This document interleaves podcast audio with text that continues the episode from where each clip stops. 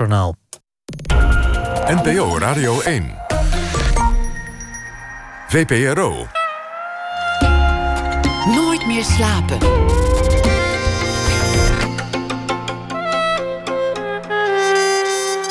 Met Hanneke Groenteman. Goedenavond. In de reeks What's in a Fairy Tale onderzoekt toneelgroep Oostpool wat oeroude sprookjes ons nog te zeggen hebben. Het eerste deel gaat over de middeleeuwse volksheld Robin Hood, met daarin een rol voor Gilles Biesheuvel als Justice. Na ene is hij te gast in de rubriek Open Kaart. Een andere voorstelling is Zonder toestemming van het makerscollectief De Theatergroep, waar het draait om de oude theatervorm vaudeville. Actrice Rosa Asbreuk gaven we de afgelopen week de reismicrofoon mee. Na één uur hoort u haar verslag. Maar eerst praat ik een uur lang met Klaas Bensen, documentairemaker. En zijn nieuwste film, Morisot, Moed, Storm en Liefde gaat zaterdag in première. En uh, welkom, uh, Klaas. Dank je, je bent hier met een, uh, een heel prachtige schilderij gekomen. Daar gaan we het zo meteen over hebben. Het is een schilderij gemaakt door Berthe Morisot. Ik kende haar eigenlijk alleen maar als model van Edouard Manet. He, want die heeft toch veel schilderijen van haar gemaakt? Dat klopt. Dat Morisot. Klopt. Inderdaad. Ja. Dit is niet een schilderij wat zij gemaakt heeft. Dit is een schilderij waarop zij misschien staat. Misschien staat. Misschien staat op afgebeeld. Ja. Eventjes, wie, wie was zij? Zij was een... Uh, in de 19e eeuw uh, besloot een aantal uh, jonge schilders... op een andere manier te gaan werken. En dat waren zes schilders... die op een gegeven moment besloten om, een, om hun werk... wat anders was, samen te gaan exposeren. Er, waar, er was geen andere plek waar ze dat konden doen. Dus ze hebben besloten om dat zelf te gaan doen. En van die, die zes, dat was eigenlijk het startpunt van de impressionisten. Die, zijn daar, die hele beweging is daar eigenlijk van die, vanuit die ene tentoonstelling op gang gekomen. Dat waren Zura... Uh, nee, nee. Corot, moet je denken, nee, die, komen veel la die zitten ervoor bijvoorbeeld. Je moet denken aan uh, Monet, ah. Degas, uh, Pizarro, Renoir, Sisley. De blockbusters van nu, maar goed. Ja, en ze waren, zijn dat begonnen, die nieuwe stroming met z'n zessen. En vijf van hen waren mannen. En één van hen was een vrouw. Vijf van hen zijn wereldberoemd inmiddels. Eén is het niet. Ja, als, als model is ze beroemd geworden. Maar, ja, maar Berthe Morisot is niet een van de impressionisten. En daar hoort ze wel bij, vind jij? Dat, nee, maar dat is ze ook. Dat is ze daadwerkelijk, Hanneke.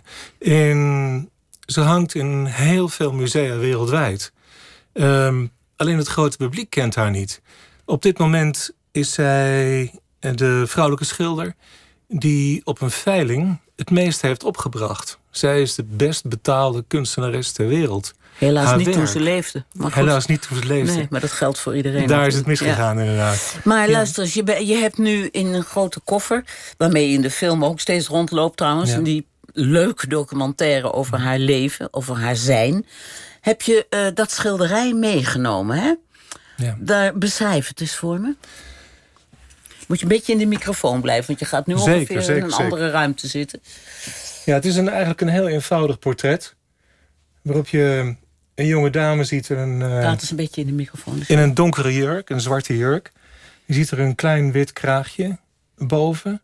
Mooie ogen. En mooie ogen, maar hele bijzondere ogen. Want als je goed kijkt, dan zie je dat het rechteroog een beetje wegkijkt. Ja, En een beetje loens. een beetje loenst naar buiten. En, en dat, dat, dat heeft mij eigenlijk getriggerd. Want ik zag dit schilderij op het internet, bij een internetveiling. En het was vooral die blik die me erg aansprak. En op de achterkant van het schilderij staat een naam. Daar staat de naam Bert Morisot. En ook een jaartal, 1871. En die combinatie maakte, dat ik, maakte eigenlijk dat ik besloot om het eigenlijk meteen te kopen. Oké, Ehm, je, moet- je moet even iets, even, mij even meenemen naar die internetveiling. Hoe, hoe gaat dat? Jij, Ehm, jij zit achter je computer te shoppen. Nou, je dwarrelt een beetje over het internet. Ja, je dwarrelt, jij. Ja, ik, ik niet, ik, ik dwarrel een Ja? beetje over het internet. En ik, ik, ik laat me een beetje gaan door toeval eigenlijk. Want dan dwarrel je naar eBay. eBay, en er zijn nog een paar andere sites. Wat zoek je daar? Dwarrelt. kijk naar een, een boekje en dan kijk ik wat iemand nog meer, wat diezelfde verkoper nog meer verkoopt. En daar zit dan misschien een schilderij tussen en dan kijk ik ernaar en dan vandaar kom ik weer op een andere pagina. Dat is jouw hobby. Ja, tussendoor doe ik dat met heel veel plezier. Ja. Ik, En- Weet je, film maken, dat, dat klinkt fantastisch. Het klinkt alsof je altijd buiten bent en druk bezig bent om mooie dingen te filmen. Maar heel veel speelt zich af achter de computer. Want je moet het allemaal uitwerken, het allemaal voorbereiden. En dat vraagt ontzettend veel tijd. Dus Ja. het is ook heel saai werk. Ja. En dan is het voor mij in ieder geval heel erg leuk om af en toe even 20 minuutjes weg te gaan. Menigeen gaat naar hele andere sites, maar jij gaat naar eBay. Bijvoorbeeld, ja, bijvoorbeeld. En Ja, toen kwam je, ja. eh, toen kwam je bij een, een, een Ja. kunstverkoper of zo, of een veilinghuis eh, of wat. Een rommelwinkel in Zwitserland. Rommelwinkel. Ja, Oh. die van allerlei dingetjes en dingen verkocht eigenlijk. En daar zat eh, deze dame tussen. En wat trof je zo in haar? De blik, moet ik eerlijk zeggen. Want, Ik, ik, vind ik vind haar blik zo bijzonder. En, en de manier ook waarop het eens. dat oog- Behalve dat oog wat een beetje dwaalt. Maar Ja, en weet je ook, ziet, het lijkt alsof, ze, alsof er twee kanten zijn die heel erg verschillend zijn. Je hebt een linkerkant die donkerder is en een rechter die veel prominenter is. Je hebt dat hele wilde haar, wat opmerkelijk is voor een portret uit de 19e eeuw. ja, het haar zit heel... eh, in, in die tijd, als mensen zich lieten portretteren, dan gingen ze naar de kapper, lieten ze goed opmaken, deden ze een mooie jurk aan. En er werden bijna nooit schilderijen gemaakt waarop je iemand zag die er gewoon uitzag. nee. Maar achterop, do- door dat trof jij. Je bent erop gaan bieden. Nou, er was een mogelijkheid ook om het meteen te kopen.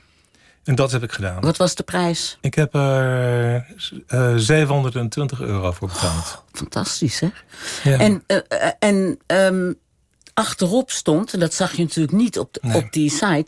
Nee. stond Berthe Morisot, en dat Ja. jaartal. En 1871, ja. Betekende dat nou dat zij dit is, volgens jou? Of waarom staat die naam daarop? ja. Dat probeer ik uit te zoeken in de documentaire. Ja, Ik, ik heb het schilderij eerst daarna gewoon aan de muur gehangen. En na verloop van tijd ben ik haar steeds verder gaan researchen. dacht je meteen, hier zit een... Nee, nee, nee. Dit laat me niet los? Nou, het, liet me niet los. Maar ik dacht niet meteen aan de film. En het, ik dacht elke dag op een gegeven moment over haar na. En dan, dan wordt het een film. Dan plotseling dan pakt het. En het is zo dat ik altijd heel erg lang nodig heb voor een film. Dus daar gaat altijd wel eh, zeker drie jaar in zitten... voordat ik weer iets kan laten zien aan de mensheid. Ja, En bijvoorbeeld aan deze film heb ik vier jaar gewerkt. ja. Dus ik weet ook van mijn vorige films dat je echt iets. Je moet echt alleen op pad gaan met een idee. Als je zeker weet dat je dat zo lang kunt volhouden. ja. En dat kan ik met Bert Morisot. Wanneer heb je dit gekocht? Dit is eh, vijf jaar geleden geweest. Vijf jaar geleden. Toen Ja. begon jouw relatie met haar. Zeker. En ik heb Ja. sindsdien elke dag aan haar gedacht. Wow, dat en is ik hoop dat. is meer dan aan menig andere relatie, neem ik aan.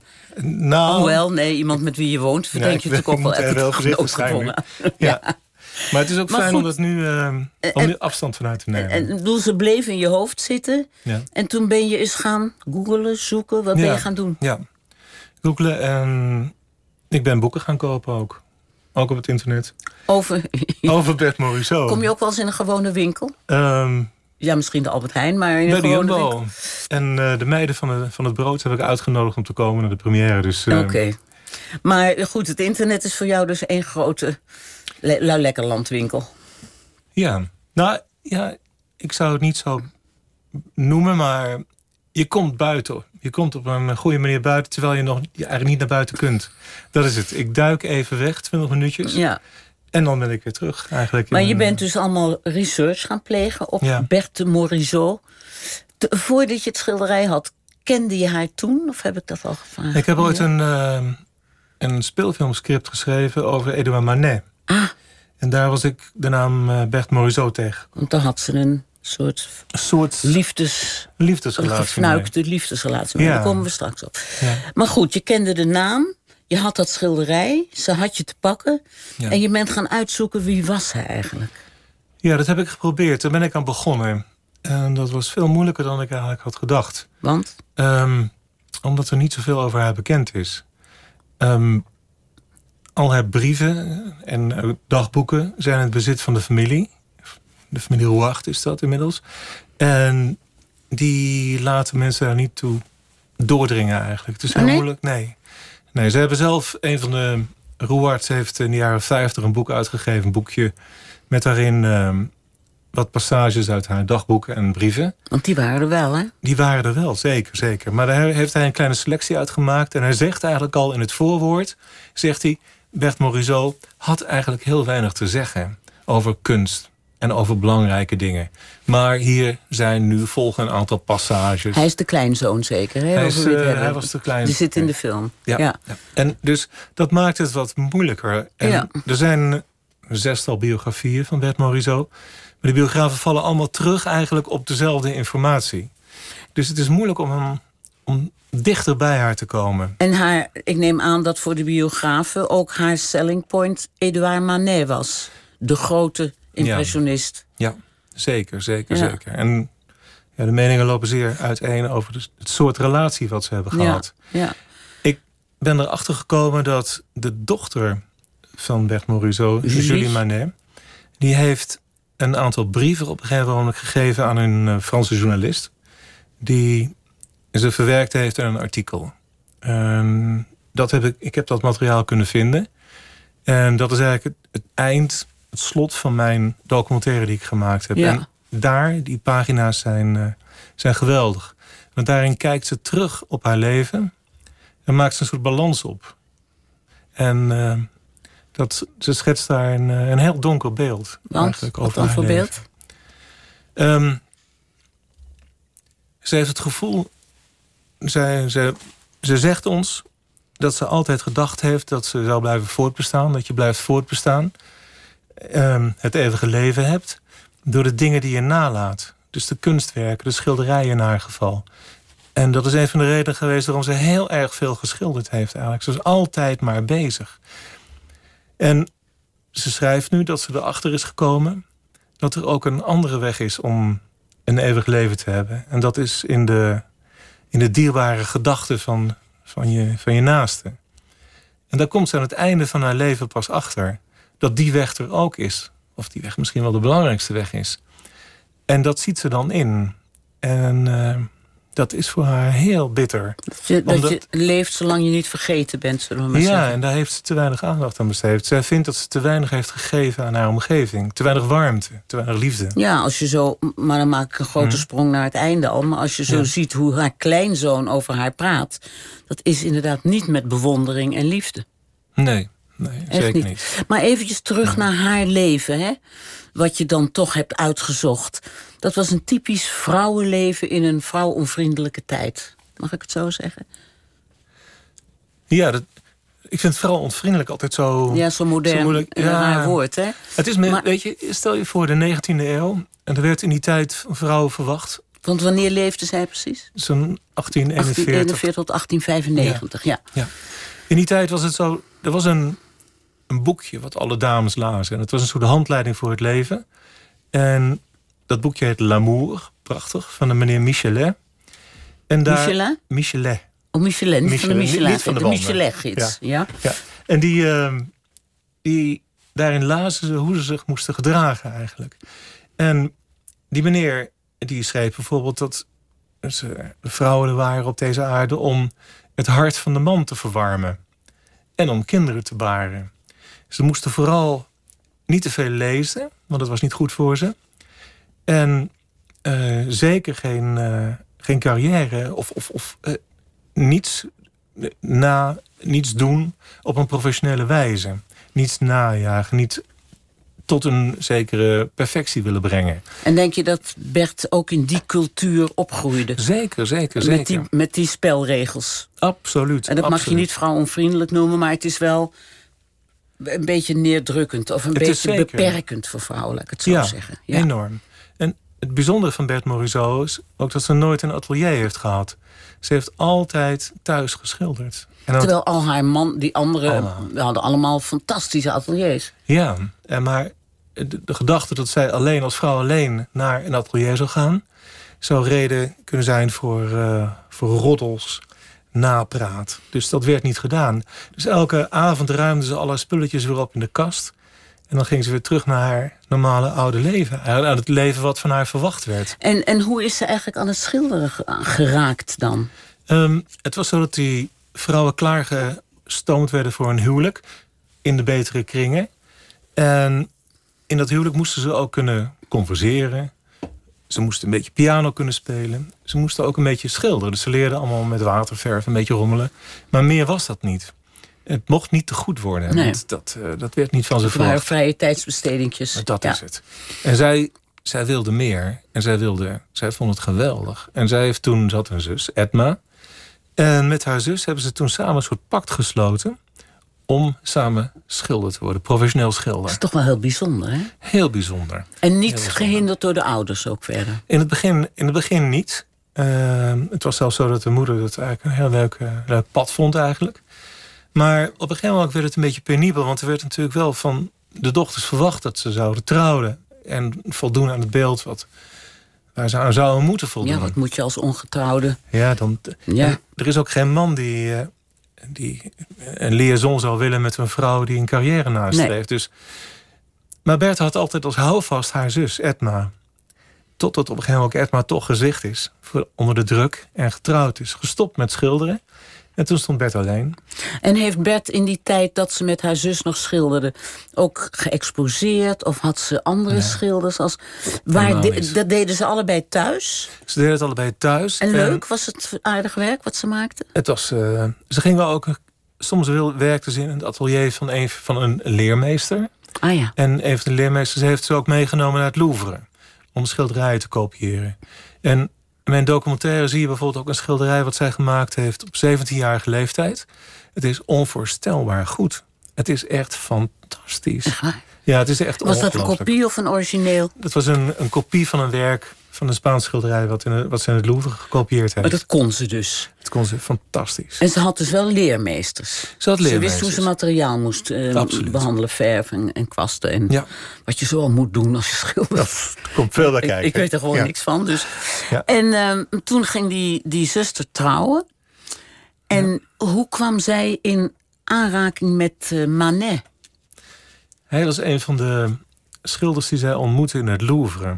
Want in die tijd was het gebruikelijk voor jonge schilders om werken te kopiëren. Ja, het Rijksmuseum ook, ja. En er waren veel, het waren uiteraard alleen maar mannen die daar zaten. Ja. Dus er zat in één keer, er ging echt een compleet nieuwe wereld voor haar open toen ze in het Louvre kwam.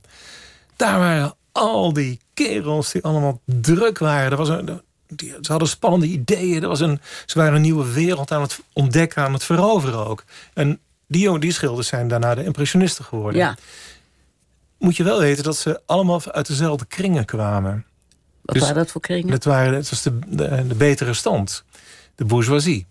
Dus ze spraken een beetje dezelfde taal, hadden dezelfde gewoontes en dezelfde protocollen. En was, was Berthe uh, gezien daar? Dus gezusters zo waren gezien. De mannen vonden dat erg interessant. En twee van die zusjes die, die eigenlijk heel goed konden schilderen. En een van de mensen die daar rondliepen was Edouard Manet. En hij was iets ouder.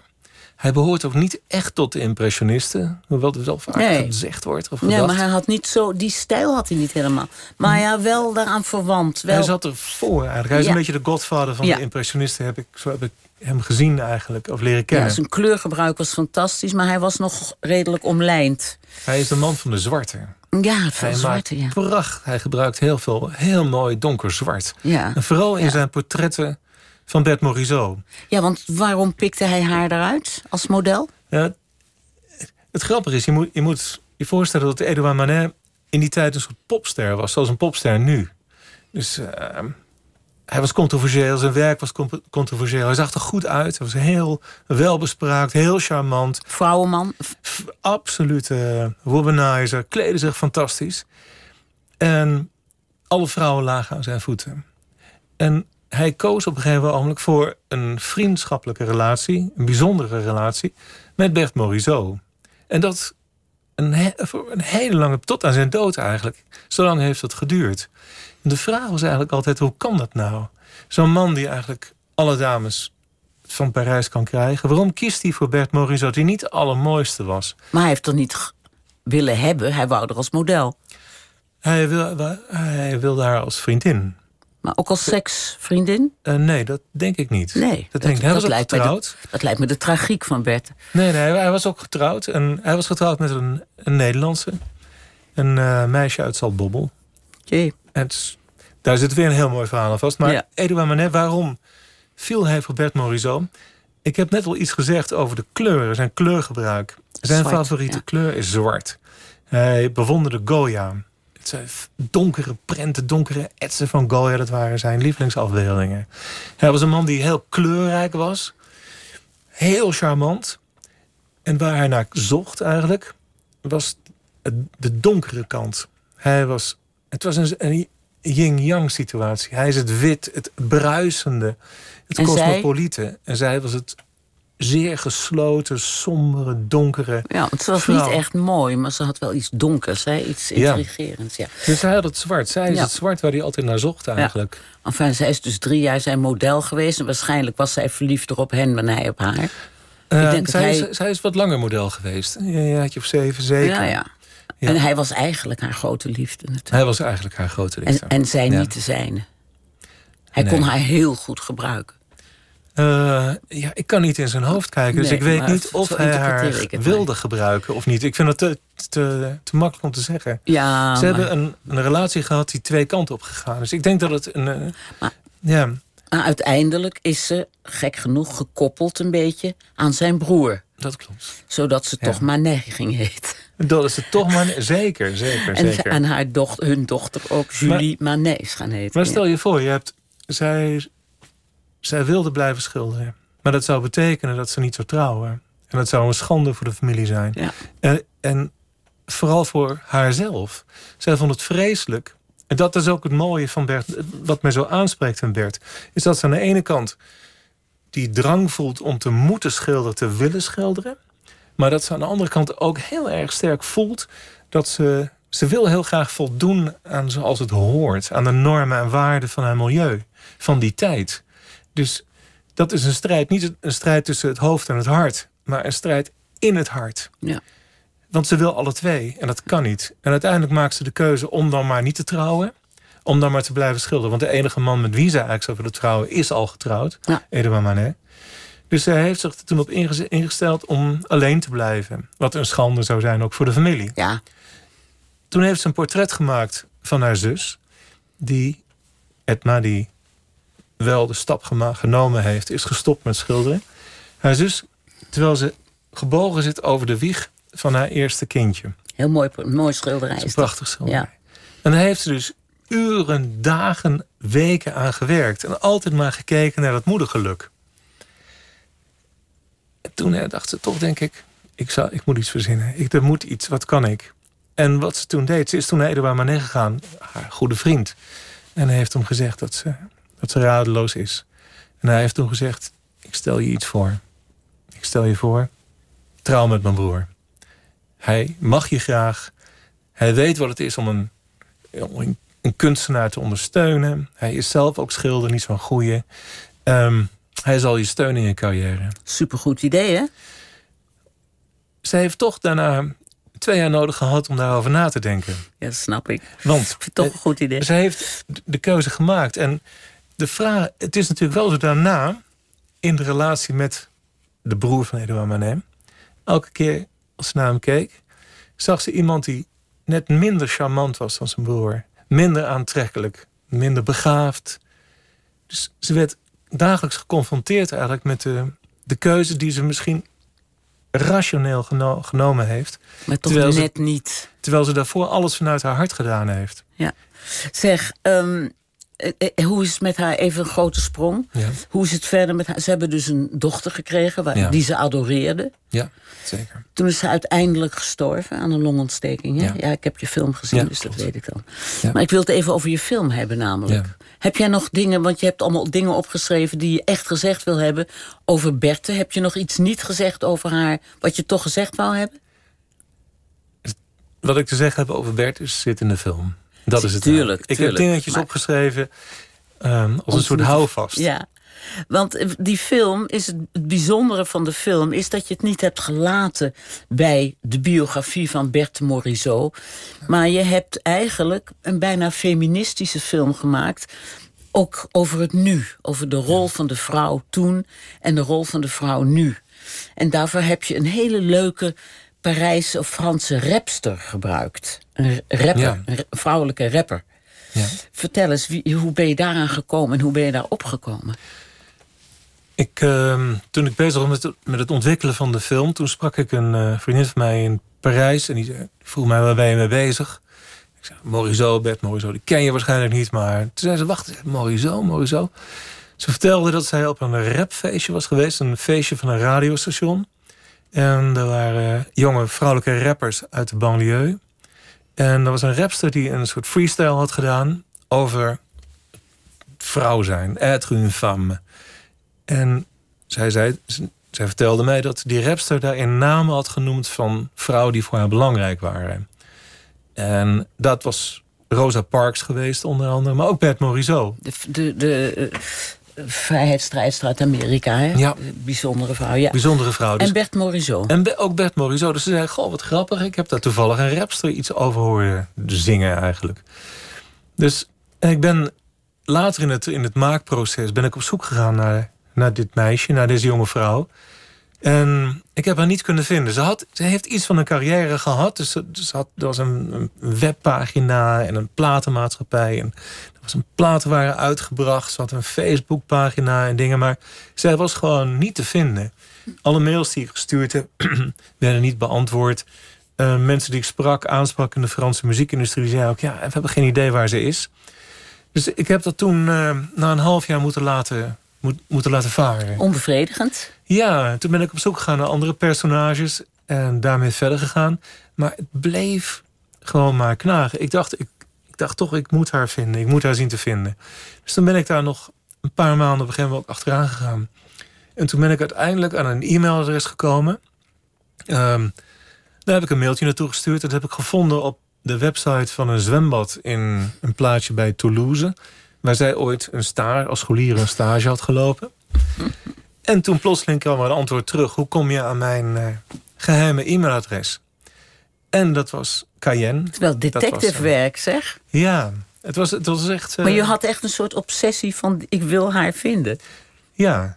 ja, ik had het Nou, gevoel dat obsessie zij... is bij jou een beetje een vreemd woord, zoals ik je nu ervaar. Maar het heeft wel iets obsessiefs natuurlijk.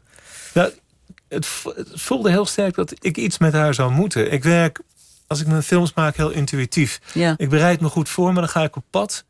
En dan let ik heel goed op wat er gebeurt. En de film maakt zich eigenlijk een beetje zelf dan. Ja. Ik moet gewoon opletten wat er allemaal om me heen gebeurt. En ik moet bepaalde paden moet ik proberen tot het, tot het einde te bewandelen. Komen we straks op.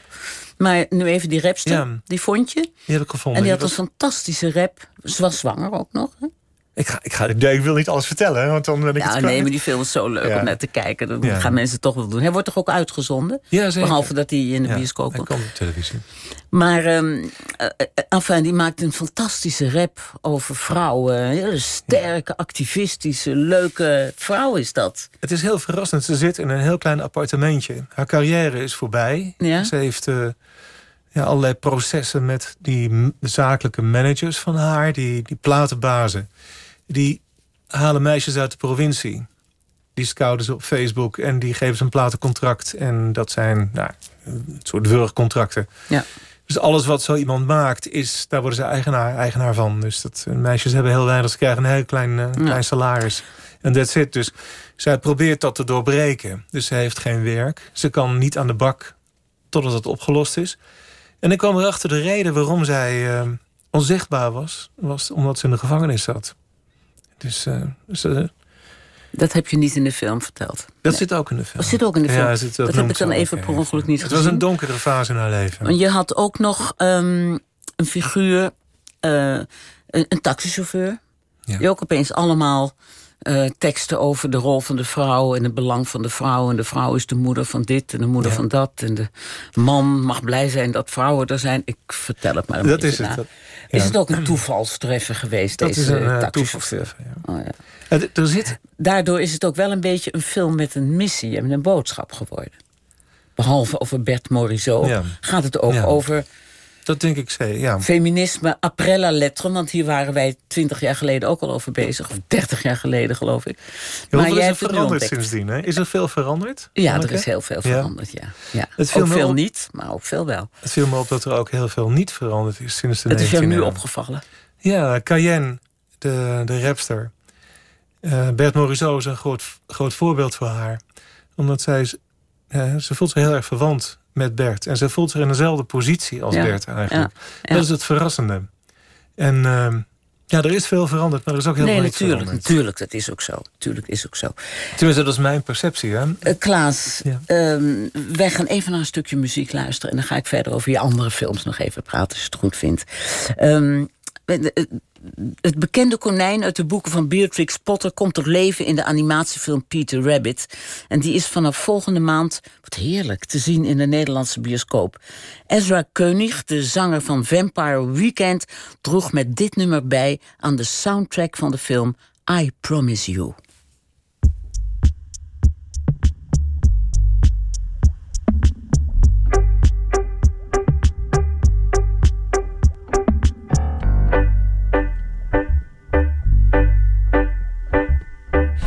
Calm cause you've seen it all.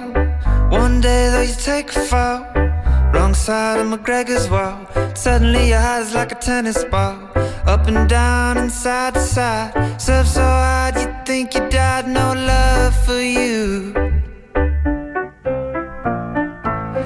Wake up and you feel confused. Slight frown as you read the news. Each day gotta pick and choose the same old sides, the me's and you's. But it's alright, you're welcome here. Even certain carnivores are in the clear, I promise you. Wind blows and heaven knows that sun can turn to rain. There's nothing much to fear though. Doors close and we all know that love can turn to pain. Each other's heroes. No gate, no wall could ever split us up. Our love's forever. No hate, no fear could ever keep us down. We'll stick together.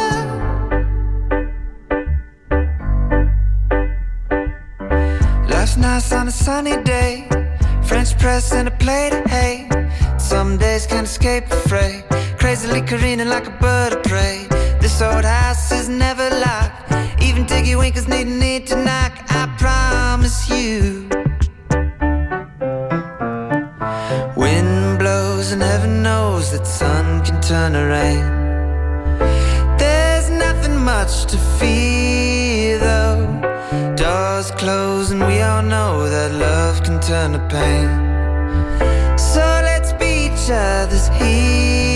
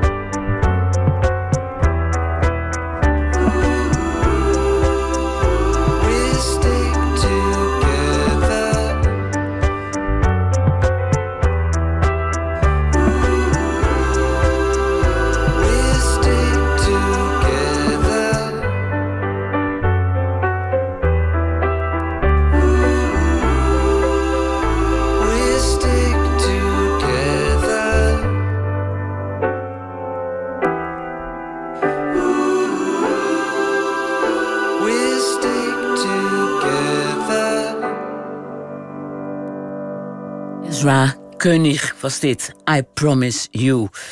Ik eh, praat met Klaas Bensen, documentairemaker. En we hebben het het eerste half uur vooral gehad over het onderwerp van zijn meest recente film, Morisot. Over Bert Morisot, een van de impressionisten. Een, van de, de enige vrouw eigenlijk onder de bekende impressionisten. En daar heeft hij een eh, mooie film over gemaakt. En die film die heet, eh, die heeft als, als titel Morisot, Moed, Storm en Liefde. Doe maar, Klaas. Ja, ja, ja. Wat een grote woorden. Ja, ik dacht, hoe kan ik haar nou het beste omschrijven voor zo'n titel? En dit zijn de kernwoorden van haar leven, denk ik. Dus er kwamen van allerlei andere titels langs. Maar ja, dit is... Wie is Bert Morisot? Hoe was haar leven? Waar ging dat over? Wat vind je daarin? Moet storm en liefde. Ja, het is wel een, lekkere titel. Ik bedoel wel dat je denkt, dat wil ik zien. dat hoop ik maar. Ja. Dat hoop ik maar. Dat is ook de bedoeling, toch? Ja, eigenlijk wel. Dat was wel de bedoeling, ja. We hebben het gehad over um, Bert Morisot... die in een tijd dat, dat voor vrouwen helemaal niet gebruikelijk was...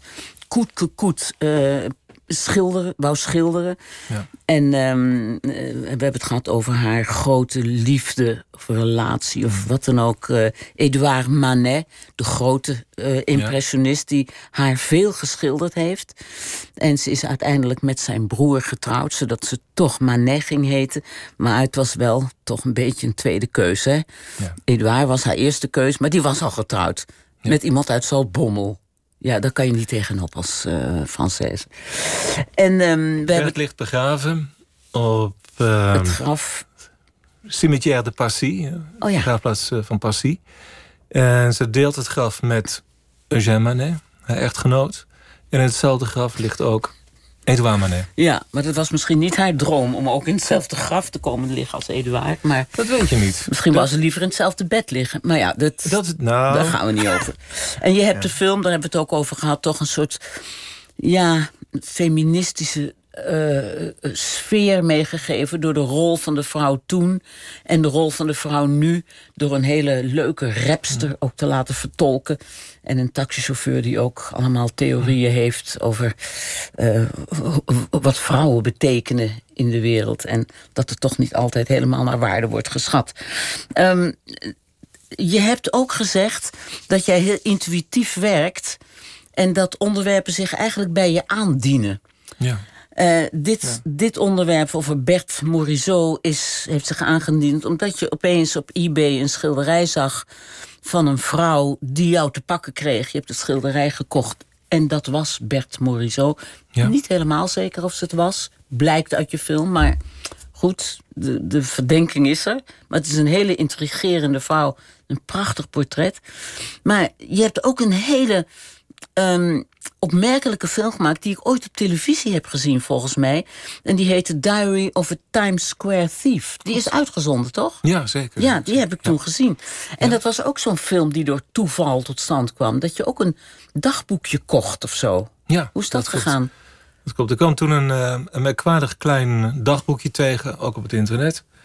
En die, dat waren, het was een soort schoolschriftje waarin polaroids van naakte vrouwen waren geplakt. Teksten, handgeschreven teksten in zaten. Um, een klein ringbandboekje ja, was het. Zo'n frommelig... Frommelig plakboekje eigenlijk. Ja. Ik vond die pagina's heel mooi, want ze hadden een soort pop-art gevoel. Dus ik dacht, weet je, ik ga erop bieden... en als ik het kan krijgen, dan uh, knip ik die pagina's uit... doe ze in een HEMA-lijstje, hang ze aan de muur... en dan geef ik ze weg op verjaardag aan vrienden en bekenden. Maar toen ik het kreeg, kon ik het boekje lezen... En het bleek een, een, persoonlijk dagboek te zijn...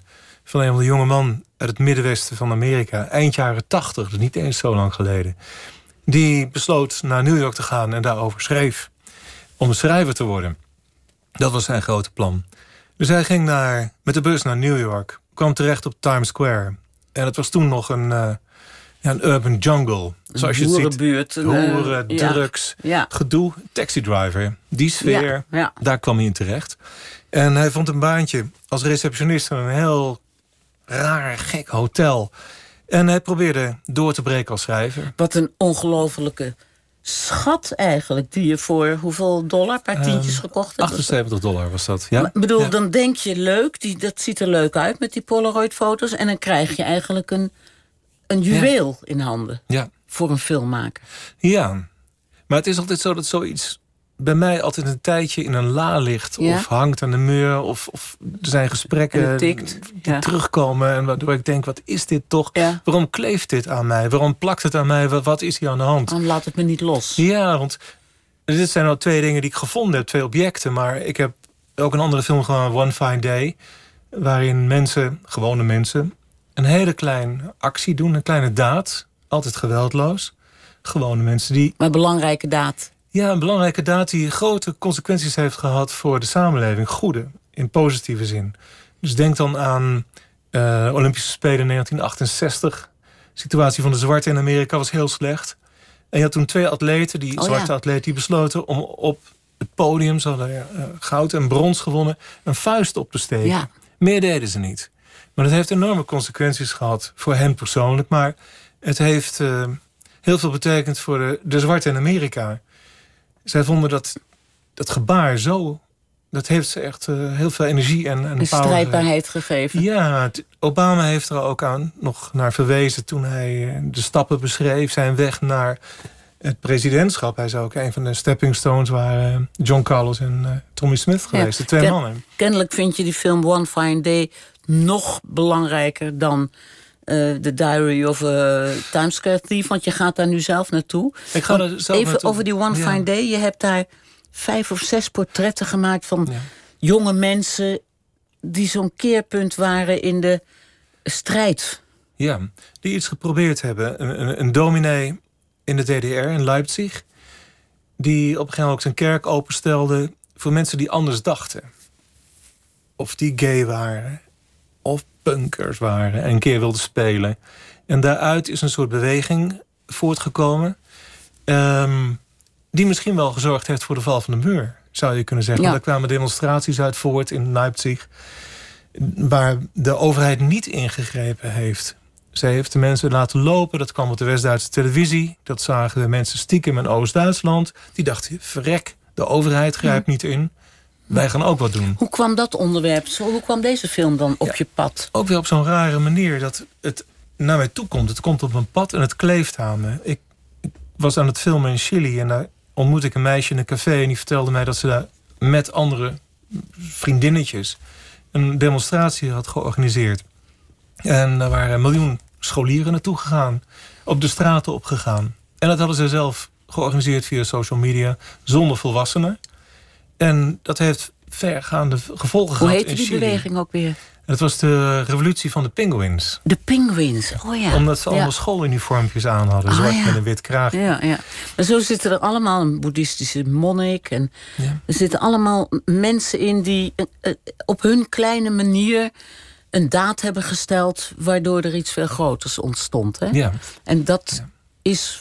En, en je zei, hoe is dat Dus twee, tot je twee, gekomen? drie van die verhalen Ja. kwamen naar mij toe.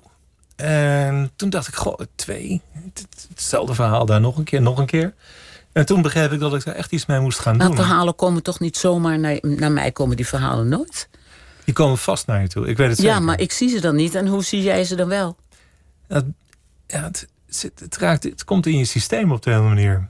Dus dat houdt me dan heel erg bezig. En dan als een soort sneeuwbal komt er dan, eh, plakt er weer eentje aan vast. En dan gaat het bal, wordt het een balletje wat dan gaat rollen. Want, want die, gaat die, hij. die, die ontzettende leuke film, vond, een mooie film vond ik dat, die dagboek. Ja. Dat, hè, die dagboekfilm van die man. Daar ga je iedereen opzoeken en filmen en interviewen.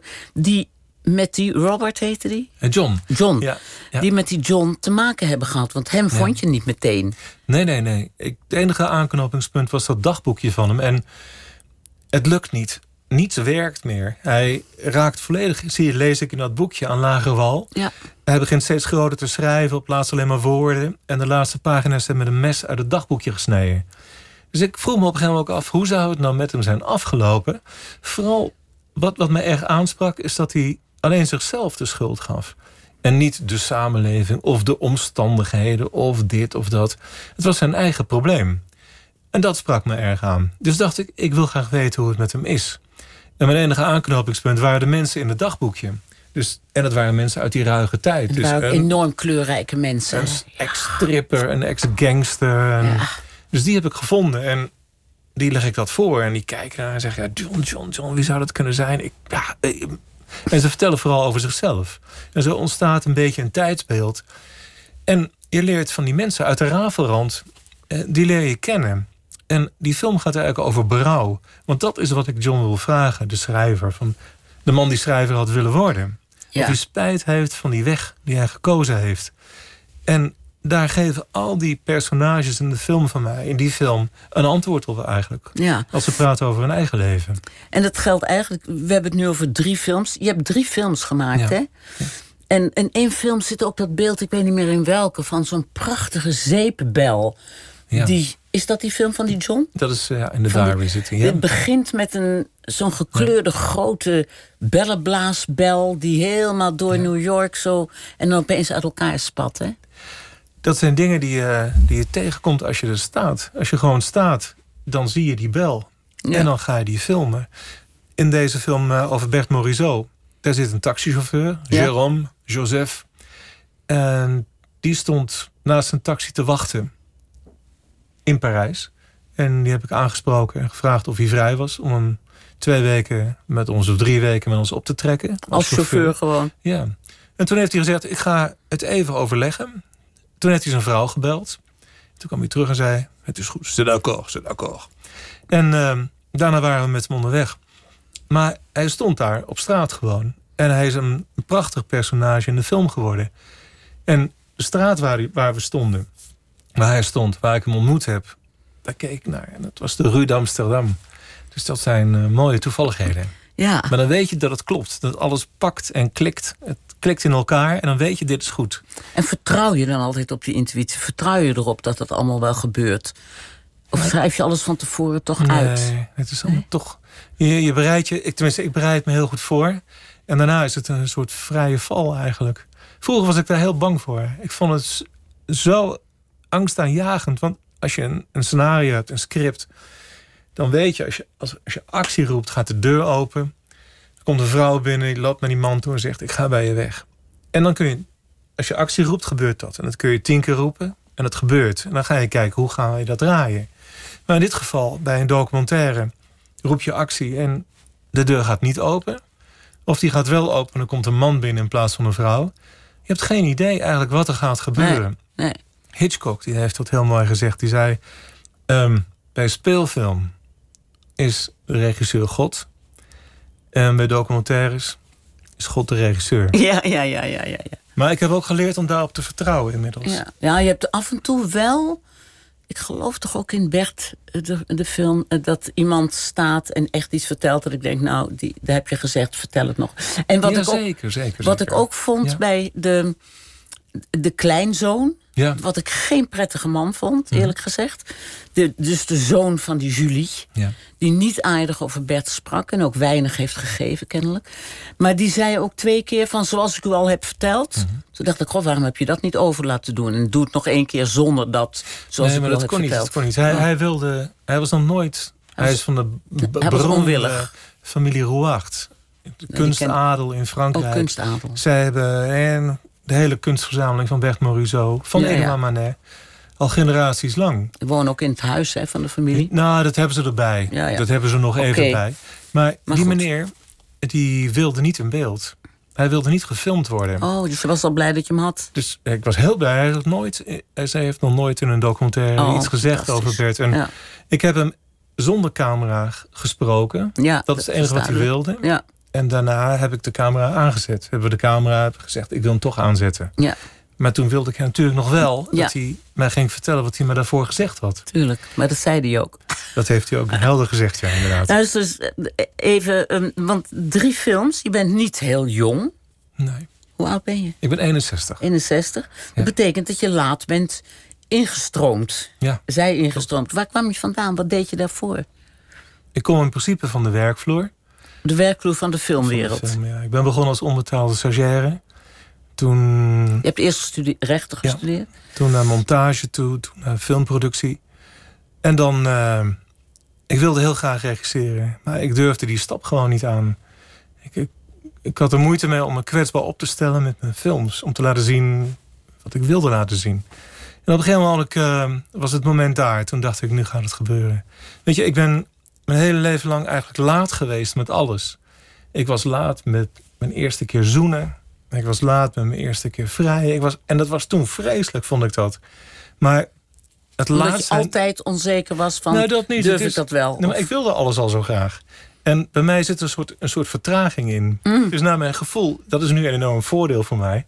Zo, zo zie ik dat. ja, Want nu heb ik nog heel veel te doen. Ik heb nog heel veel films te maken naar mijn gevoel. Omdat ik gewoon in alles laat begonnen ben. dus je gaat tot je 130ste door. Ik denk het wel, ja. Ja. Ja. Maar je, je hebt ook ergens op je website gezegd... The path is made by walking. Dus het pad wordt gemaakt door het te lopen. Ja. Wat bedoelde je daarmee? Je moet gewoon ehm, doen wat Bert Morisot gedaan heeft. En je moet gewoon de moed hebben om iets op te pakken. Als je iets wilt, moet je dat gaan doen. En het tweede belangrijke wat zij mij bevestigd heeft nog een keer... wat, wat er overkomt, duidelijk moet worden in de film... hou vol. Dus heb de moed om dingen op het spel te zetten... en hou dan ook vol. Probeer het vol te houden. Weet je, ga je ten onder, dat kun je ook op een andere manier ten onder gaan. Maar ga dan ten onder met je eigen dingen. Met wat je zelf graag wilt. Waar je naartoe wilt. Is dat ook jouw levensles? Zullen we maar een beetje dik zeggen. Nou, dat, ik, ik leer er nog steeds bij en dat is prachtig. Wat ik, bijvoorbeeld, wat ik geleerd heb van deze film. Ik dacht altijd, het levensgeluk ligt in het verlengde van je ambitie. Van je passie. Je wilt je droom verwezenlijken. En voor mij, ik dacht altijd, dan word je gelukkig. Daar zit het. Een levensgeluk zit als je je droom waarmaakt. En het kan zijn dat je bedrijfsleider wilt worden bij de Albert Heijn. Of het kan zijn dat je zegt, ik wil gedichten schrijven. Of ik wil wat je ook wilt. Ik heb gezien bij Bert Morisot en ook bij anderen... dat dat niet automatisch het geval is. Omdat de wereld Nee, Zo ze, zijn makkelijk niet, niet is. ze hebben hun droom verwezenlijkt. Ze hebben Nou. waargemaakt wat ze wilden. En het heeft ze niet gelukkig gemaakt. Dat zit daar helemaal niet. Dat is Waar een, nieuw in. Ja, dat weet ik niet. Maar dat is een inzicht wat mij deze film gebracht heeft. Het zit heel ergens anders. Het levensgeluk is niet automatisch gekoppeld aan het verwezenlijken van je droom. Daar Maar Berthe heeft toch niet van. echt haar droom verwezenlijkt? Ze is een professioneel schilder geworden. Ja, En het trieste is dat op haar huwelijksakte met Eugène Manet, halverwege haar leven, staat Bert Morisot, beroep geen. nee. Op haar sterfakte staat Bert Morisot, beroep geen. Ja. En dat is het drama eigenlijk van haar leven. Want ze wilde een professioneel schilder Dus worden. ze is niet geworden wat haar droom was. Uiteindelijk niet, maar ze heeft wel de erkenning gekregen in haar tijd. Hè? Ja, ja. En eh, kijk, volgens mij, wat ik zo aan die films van jou, wat ik eraan heb overgehouden, is er altijd een soort spiritualiteit in zit. Dus ze zijn ook uitgezonden bij de boeddhistische omroep, twee van die films. Ja. Die bestaat geloof ik niet meer, die omroep. Nee, geloof ik ook is niet. nu bij de NTR, hè? Deze film is wel... Ja, Ja, maar de ja. hele boeddhistische Ik, omroep ik heb is geen idee. Ik weet niet waar ze zijn. Nou, die is in ieder geval in lucht opgegaan. Ja. Maar dat vond ik ook eigenlijk wel passen bij het soort, het soort eh, sfeer wat er in jouw films hangt. Een soort ge- geduldige sfeer. Ja, ik, Ben jij eh, eh, een beetje gedul- geduldige meneer ben ik. geduldige meneer? Vasthoudend. eh, je hebt iets in je hoofd. Als het eenmaal in je hoofd komt, als het eenmaal een vorm krijgt, dan zet je je tanden er ook in. Ja. Maar als iets niet lukt, niet werkt, dan is het ook een kwestie van loslaten. Dan moet je het ook laten gaan. Dan moet je wegstappen. En dan, Dat klinkt eh, echt heel boeddhistisch, dit hoor. Ja, nou, prachtig. Ben je boeddhist? Nee, Nee? nee, ik denk Zou je het niet niet. boeddhist worden? Want je bent volgens mij helemaal geschikt ervoor. Nou, prachtig. Altijd goed. Altijd leuk om te horen. Ja, nee, Ja. maar goed, je bent niet Ja. een driftig iemand. Je bent iemand Nee. die heel geduldig, heel goed naar jezelf luistert, kennelijk. Ik Goed luister heel graag naar mensen. Ik, ik, ja, ik, ik hou heel erg van mensen. Hm. En iedereen heeft iets moois te vertellen. Veel mensen hebben iets moois te vertellen. Er zit veel meer dan dat we altijd denken en dat er zit, denk ik. En ehm, eh, eh, dit is misschien een hele rare overgang die ik dan maak. Maar dan denk ik, je zit in de wereld van documentaires maken. Ja. Dan ben je afhankelijk van Jan en Alleman.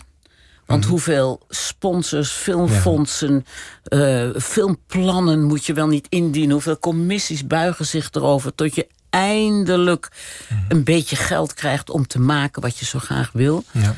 kan je dan je intuïtie nog wel gaande houden? Of eh, denk je dan niet, weet je, laat maar. Dat denk ik eh, elke week, denk ik. nee, maar je, je houdt vol. En je weet dat je door moet. En dat heeft ook met, je, met het onderwerp te maken. Ik maak weinig films. Maar die zitten zo diep bij mij... dat ik ze gewoon moet maken. Die kan ik niet loslaten. En om te, me te kunnen veroorloven om documentaires te maken... omdat daar niets van te leven is... schrijf ik die speelfilmscripts. Scripts voor speelfilms in het buitenland. welke- oh, die, wat, doe, wat is dat dan? Wat schrijf je dan? Ehm, er zijn drie Noorse speelfilms die ik geschreven heb. Er is net een film uit Mexico die ik geschreven heb. En het is fictie. En daar verdien ik dan mijn geld mee, eigenlijk. Oh, wat fantastisch. En dat verzin ik. Dan, dan schrijf je eigenlijk een halve roman, maar dan in een filmscript. Ja. Nou, ik heb een film gemaakt, een script geschreven voor een film die zich afspeelt in Noord-Korea. Die is ook voor een deel in Noord-Korea gedraaid. En eh, ja, die zegt iets over de situatie daar. Over de Olympische Spelen, of dat niet? Nee, dat moet dat niet. over de meneer daar. Waarvan de mensen in Noord-Korea denken dat hij kan vliegen. Dat hij nooit naar de wc hoeft. Ik heb een film, een andere Noorse film over een, eh, een Sami-meisje. Een meisje van een rendieren.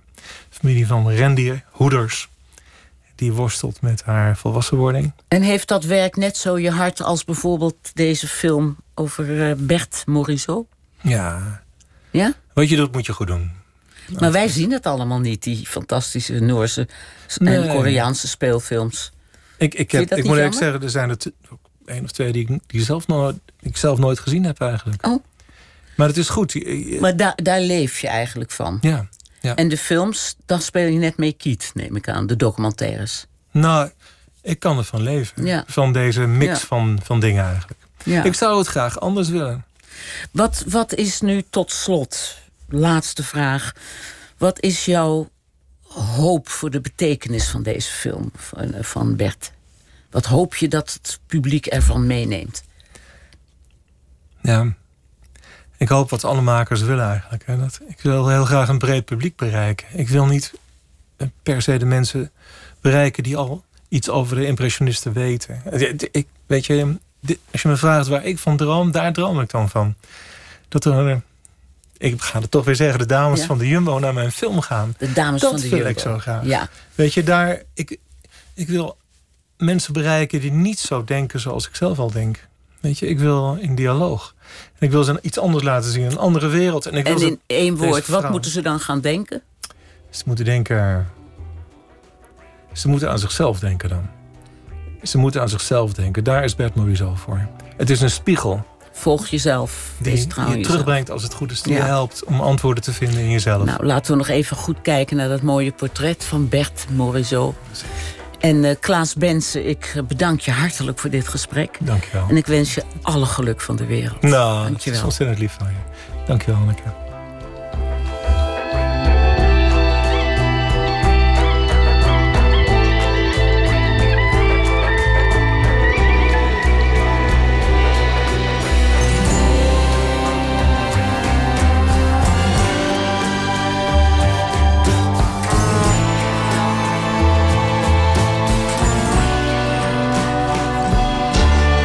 Radio 1. Het nieuws van alle kanten.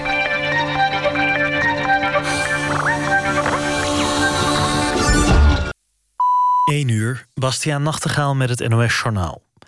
Er is in het afgelopen jaar in Nederland 10% meer duurzame energie gebruikt dan een jaar eerder. Van alle stroom is nu bijna 14% duurzaam, meldt het CBS. 60% van die stroom komt uit windenergie, genoeg voor bijna 3 miljoen huishoudens. Zonnepanelen wekten bijna 13% van de stroom op. Biomassa, dat na windenergie de belangrijkste duurzame energiebron is, leverde in 2017 minder op dan een jaar eerder. De productie daarvan daalde met een half procent. Een nieuw middel tegen hepatitis C komt in het basispakket van de zorgverzekering. Met de onmiddellijke ingang wordt behandeling tegen de chronische variant hepatitis C met het middel Maviret vergoed. Minister Bruins voor Medische Zorg is het met de fabrikant eens geworden over een verlaging van de prijs. Details over de afspraken worden niet bekendgemaakt. Chronische hepatitis C is een ziekte die vaak pas na jaren tot klachten leidt, zoals levercirrose en soms ook tot leverkanker. In natuurgebied de Deurnerse Peel in Brabant woedt voor de tweede keer deze week een grote brand. De brandweer denkt dat het vuur is aangestoken. Dinsdagavond brak ook brand uit in het natuurgebied. Ook toen ging de brandweer uit van brandstichting. Die brand is nog steeds niet helemaal uit. Er is tot nu toe al 20 hectare bos verloren gegaan. Het gebied waar de afgelopen avond brand uitbrak ligt zo'n 4 kilometer verderop. Het gaat daar om zo'n 3 hectare.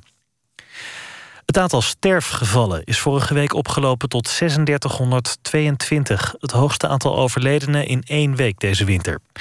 Volgens het CBS overleden sinds eind oktober wekelijks meer mensen vergeleken met de winters in de afgelopen zeven jaar. De hogere sterftecijfers hangen samen met het koude winterweer en de al elf weken durende griepepidemie. Vooral ouderen kunnen aan bijvoorbeeld de gevolgen van een longontsteking overlijden. Ook andere Europese landen tellen deze winter relatief veel sterfgevallen.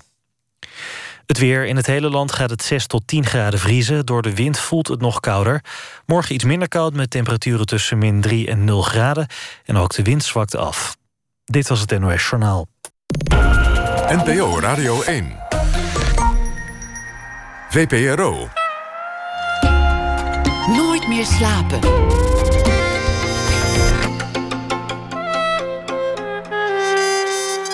Met Hanneke Groenteman. Welkom terug. Wat hebben oeroude sprookjes ons nog te zeggen? Dat onderzoekt de toneelgroep Oostpool in de reeks What's in a Fairy Tale. En het eerste deel gaat over Robin Hood... met onder meer acteur Gilles Biesheuvel... die straks de gast is in de rubriek Open Kaart. En Zonder Toestemming is een voorstelling van de theatertroep... met een aaneenschakeling van losse sketches als ode... aan de oude theatervorm vaudeville... Actrice Rosa Asbreuk gaven we de afgelopen week de reismicrofoon mee. En later dit uur hoort u haar verslag.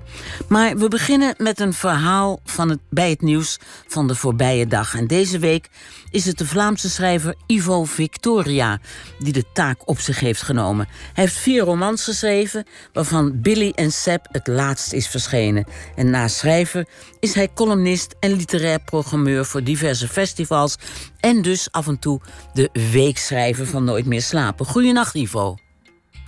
Goedenavond, Hanneke. Ik vind het eigenlijk altijd zo raar om Ivo tegen jou te zeggen, omdat ik eigenlijk weet dat dat niet je voornaam is. Dus dat je alleen in de openbaarheid zo genoemd wordt, toch? Ja, dat klopt, ja. Maar ja, ik vind dat helemaal niet raar, hoor. Oh, gelukkig. Ik denk altijd, ik word een beetje voor de gek gehouden... want je heet eigenlijk, weet ik veel, Hans of zo. Ja, nee, dat, dat hoor ik vaker. Dat, dat mensen dat vervelend vinden. zich voor de gek gehouden voelen door mij.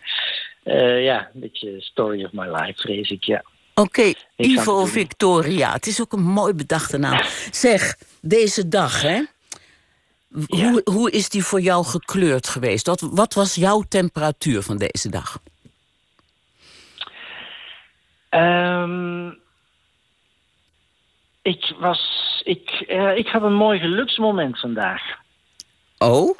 En uh, dat heeft ook meteen met het stukje te maken. Oh. Uh, ik ben gaan schaatsen. Wauw, waar? Ja, in Amsterdam.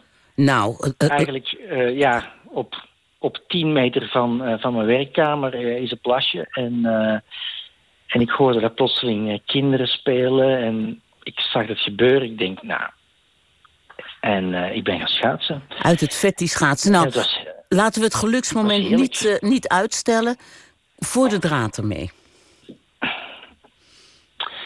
Sinds een jaar of twee heb ik een schrijfkantoor boven een bruin café inderdaad een potentieel carrièrevernietigend idee dat er in de praktijk evenwel voor heeft gezorgd dat ik een onverwoestbare werkethiek heb ontwikkeld. Want uit bittere noodzaak komen soms de meest verbazingwekkende dingen voort. Het wil dus wat zeggen dat toen het parool vanmiddag officieel bevestigde dat er op luttele meters van waar ik mij zo gedisciplineerd bevond, lustig ijzers werden ondergebonden, ik ogenblikkelijk het werk onderbrak en naar huis reed om mijn schaatsen op te halen. Het is algemeen geweten dat de meest onuitstaanbare mensen diegenen zijn die zich extreem enthousiast toeleggen op iets waarvoor zij geen enkele aanleg hebben. Wanneer het gaat om schaatsen, ben ik een van die mensen. Het mooie van onkundig enthousiasme daarentegen is dat het voor de enthousiasteling zelf werkt als een schild. Wanneer ik een prachtig boek of verhaal lees van een collega, dan kan dit mij tot in het diepst van mijn schrijversziel kwetsen en tot wanhoop of woede drijven, omdat ik vind dat ik dat verhaal had moeten schrijven. Maar wanneer ik als schaatsend word voorbijgeflitst door drie tienjarigen in een treintje, en dit niet alleen met de handjes op de rug, lekker diep zittend, maar tevens met de grootst mogelijke minachting, hetgeen mij vandaag dus al binnen tien minuten gebeurde, dan gil ik vrolijk, wacht op mij, en ga ze molen weekend achterna zitten totdat ik mijn eigen snelheid niet langer meer onder controle heb en noodgedwongen een strategisch opgestelde boom langs de kant om assistentie moet verzoeken bij het remmen. Maar het hongelach kan mij niet raken. De onkundige enthousiasteling is onkwetsbaar. En als een idioot glijdt hij verder door zijn eigen winterwonderland, de wangen tintelend van puur geluk. Er zijn tijden geweest dat ik als schrijver ook zo'n onwetende sukkel was. Ik geloof, eerlijk gezegd, dat ik die sukkel mis. Wat kan jij toch mooi schrijven? Maar, maar dus kennelijk ben je je onschuld verloren op het gebied van het schrijverschap. Maar heb je hem bij het schaatsen nog wel? Zeker, ja. Bij het schaatsen heb ik, heb ik, is dat het enige wat ik heb. Onschuld. En, en afgunst is ver te zoeken daar. Zeker, ja. Nee, dat kan mij helemaal niks schelen. Iedereen eigenlijk op zo'n pasje kan beter schaatsen dan ik. Uh, maar uh, ik vind het heerlijk. Ja, gewoon lekker buiten en dat, dat gemak waarmee je dan glijdt. Ja, ik vind het een wonder eigenlijk, dat schaatsen. En is het niet mogelijk om als een soort mindfulness die stemming van dat schaatsen, die moed van dat schaatsen ook toe te passen in gewone levenssituaties? Uh, ik merk wel dat uh, ik na het schaatsen een aangenamer mens ben. Nou, ik bedoel dan, maar. Dan, dan na een schrijfsessie, zal ik maar zeggen. Nou, dan zou ik zeggen... Dat is, dat is, zeker waar. Dan zou ik zeggen, pas het toe op andere gebieden ook. Dat wordt voor je thuisfront ook heel fijn. Dat je opeens een heel aangenaam mens wordt bij elke tegenslag. Ja, nou, ik vind het een goed plan. Ik ga het proberen. Heel veel succes, um, Ivo. En uh, mij hoor je voorlopig niet meer. Maar blijf alsjeblieft nee. mooi schrijven. Dank je wel. Ik ga mijn best doen, dankjewel. Fijne nacht. Na negen jaar afwezigheid is Johan weer terug. De gitaarband onder aanvoering van Jacob de Greeuw. En ze hadden geen betere naam voor de eerste single kunnen kiezen. About Time.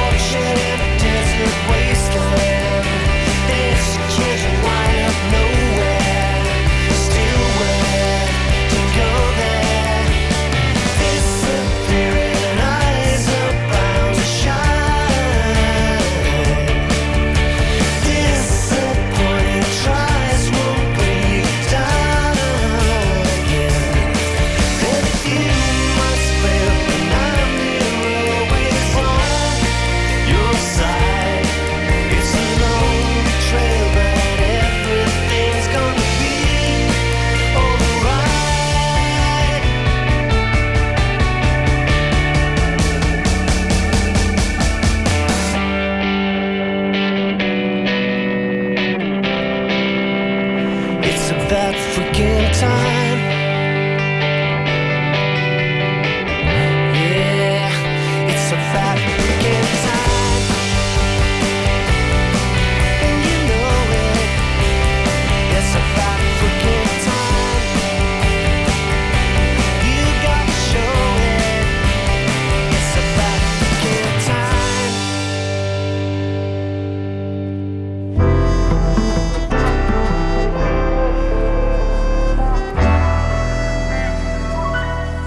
In onze rubriek Open Kaart trekt de gast kaarten uit een bak met 150 vragen over werk en leven.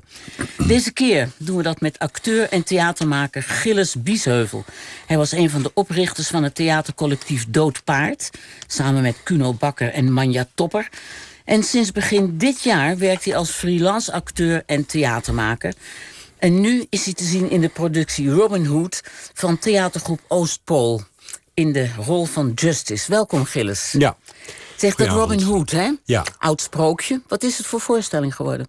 Eh, nou ja, Sarah, Sarah Moermans die, ehm, die maakte drie voorstellingen. En die zullen alle drie gaan over eh, mythische figuren, sprookjesfiguren, volkshelden. Robin Hood is daar de eerste van. En zij neemt dus ja, de buitenkant, Robin Hood, dat, dat, dat is het gegeven. Dat is de persoon die we kennen. We kennen de Merryman een beetje. Er zijn ongelooflijk veel versies in de geschiedenis van geweest. Het is 800 jaar geleden begonnen. En zij pakt dat gegeven om aan de hand van Robin Hood... een discussie te gaan voeren. Eh, wat is er gebeurd met idealen? Kunnen we nog rebelleren? Kunnen we nog ergens voor strijden? Eh, eet dat zichzelf niet op? Hè? De revolutie eet zijn eigen kinderen op. Moeten we ook luisteren naar misschien een eh, een weg die wat meer door het midden gaat, weet je, die, die, die wat pragmatischer is. Is dat niet beter voor een goede samenleving? En al die zaken worden eigenlijk tegenover elkaar gezet in die avond. En ook Eh, naar nu verplaatst? Zeker, zeker naar nu verplaatst. Dus wij, wij bestaan, wij figuren bestaan 800 jaar. Wij slepen ons al 800 jaar door de geschiedenis heen.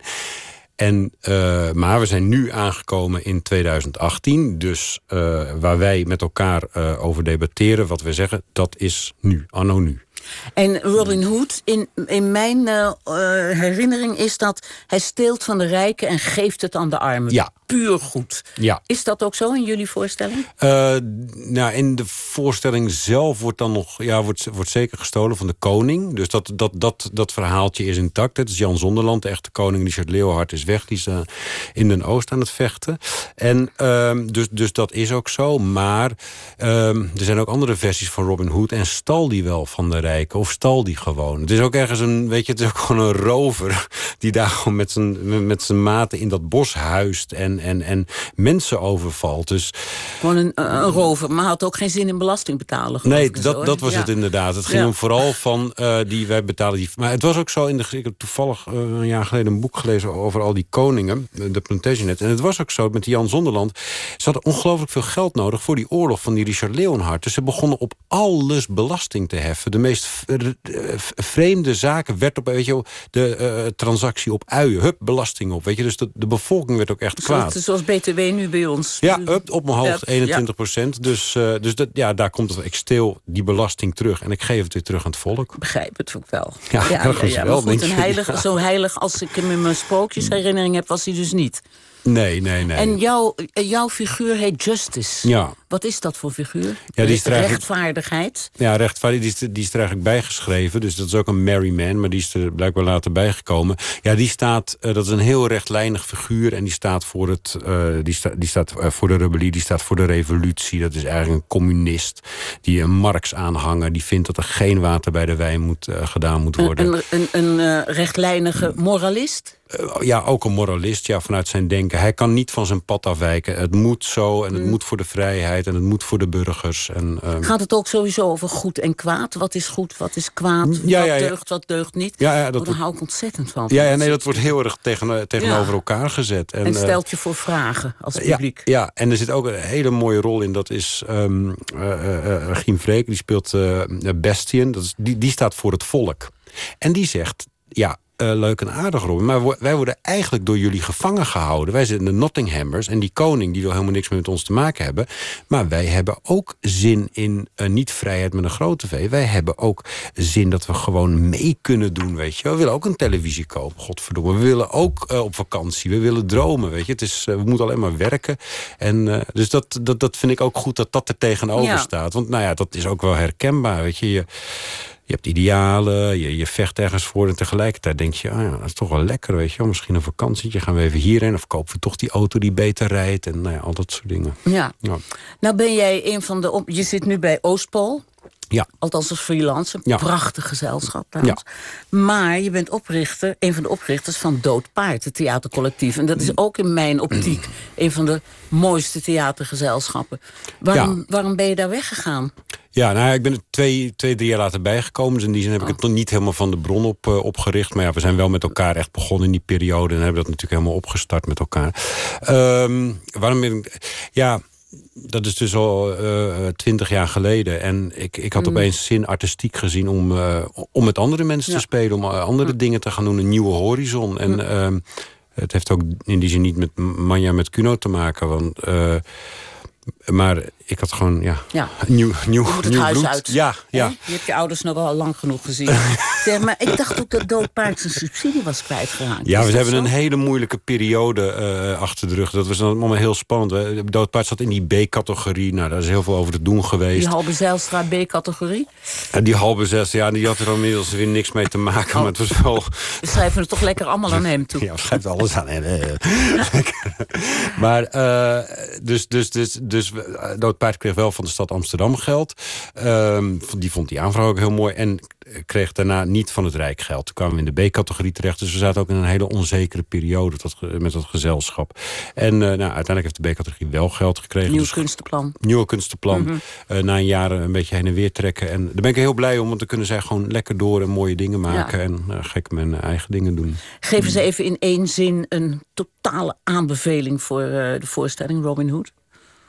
Uh, ja, dat, uh, het, het is een voorstelling, dat vind ik zelf heel erg mooi. Het is een voorstelling die nog niet gemaakt is. Ook qua de tekst, door de tekst van uh, Joachim Robrecht. Ik ken deze voorstelling, ik heb hem nog niet nergens eerder gezien. En dat vind ik echt een aanbeveling. Dus hij is op het scherpst van de snede. Er is een geweldige cast. Iedereen is echt heel erg, heel erg mooi in wat hij doet. Dus dat, die combinatie, ja. En hij is nu overal te zien, hè? Jullie... Ja, nou, we nog morgen try-out in Arnhem, dan première zaterdag... en dan gaan we het hele land door. Hele land door. Ja. Robin Hood. Weet je, pak die bak er eens bij. Ja, uh, de, befaamde kaart. De befaamde open kaartbak. en dan moet je een slotje openmaken. En dan, ja, heel goed, theatraal opengemaakt. Ja. En je klapt hem open. Het is ook echt zo'n kist. Ja, het zijn uh, random kaarten. Trek er eentje uit, maakt niet uit waar vandaan. Okay. En je moet eerlijk antwoorden. Althans, hoeft niet. Nou ja, dat, laten maar we dat proberen. Of spelen, ja. of dat we dat proberen. Ja, spelen, dat we het proberen, ja. ja. Uh, wat is je gemoedstoestand op dit moment? Hm. Uh, nou ja, dat is in die zin makkelijk, want uh, lichtelijk hysterisch natuurlijk. Want ik zit vol met adrenaline. Vanwege die Van het spelen, nou ja, altijd als je gespeeld hebt, dan voel je daarna oh, nu, je hebt vanavond ja, ook gespeeld? Ja, we hebben vanavond gespeeld, dus ik kom net in uit Arnhem. Arnhem. Ja, ja, ja. Mm -hmm. En um, dus je altijd een beetje lichtelijk hysterisch na zo'n toneelavond. Ja, je maakt helemaal geen hysterische indruk, maar goed. Nee, maar het hoofd zit dan heel... Dat, ja, het hoofd oh, ja. zit dan altijd heel erg vol en een beetje opgelaten. Dus dat is de gemoedstoestand. Het is hysterisch. En iets breder gesteld, hoe is het in deze tijd van je leven, deze periode? Nou ja, dat is een. Um, uh, het, kijk, ik vind, het, ik vind het heel erg leuk dat ik nu bij Oostpool werk. En, uh, um, en ik ben heel benieuwd waar het allemaal naartoe gaat. Weet je, ik voel me ook een beetje zo als je weer van, van een toneelschool afkomt. En dan denk je, oké, wat gaat er allemaal gebeuren? Vind ik een goed gevoel. Dus dat, uh, ja, dat, dat pleziert mij enorm.